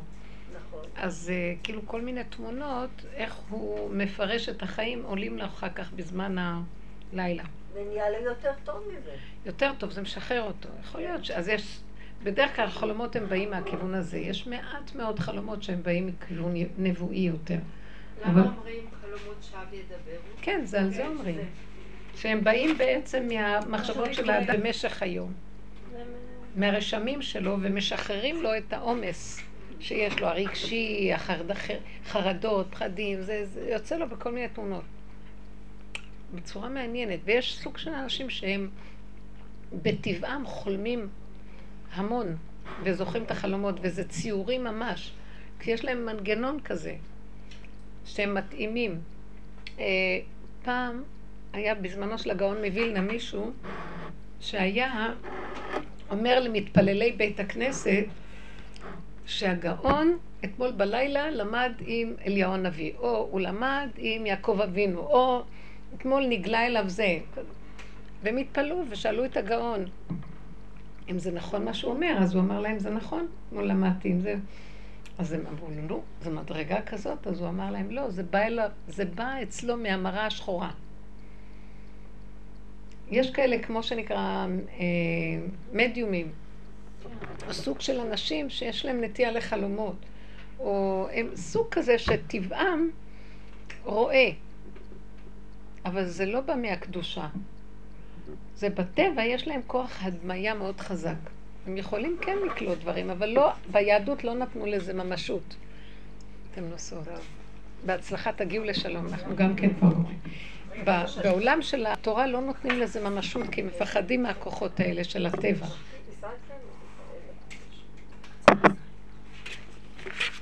כוכב, כוכב, אני אומרת, כל הבחירה שלנו זה לעבוד ובעבודה עצמית להשיג מדרגה, שכמו אברהם אבינו, שהוא הגיע לברית בין הבתרים, זה היה מראה חזיון אלוקי. שהוא היה כל כך נקי והוא הכין את עצמו למהלך הזה, אז ירד עליו מסר אלוקי אמיתי. אבל זה לא קל. ילדים יכולים גם לחלום, כי הם נקיים. כן, ממש. הם מאוד נקיים ואין להם אה, ריבוי אה, חשיבה או...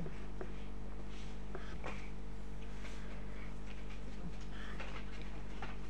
המתוקות שלי. הנקודה של האבן תלווה אותנו קצת. אבן מעשו הבנים הייתה לראש פינה, וזהו, זה הסוף וזה גם ההתחלה. זהו, לא להתרגש מכלום ולפעול מתוך מציאות של אבן פשטות, בלי משמעות. המשמעות נותן לי כאבים, מיד תדעי שזה בגלל שאת נותנת משמעות. כאבים, סימן שנתתי משמעות לדברים, ותוותרי תוותרי על הכל, אם אפשר. תסכימי, איך שזה הכל ככה וזה בסדר וזהו.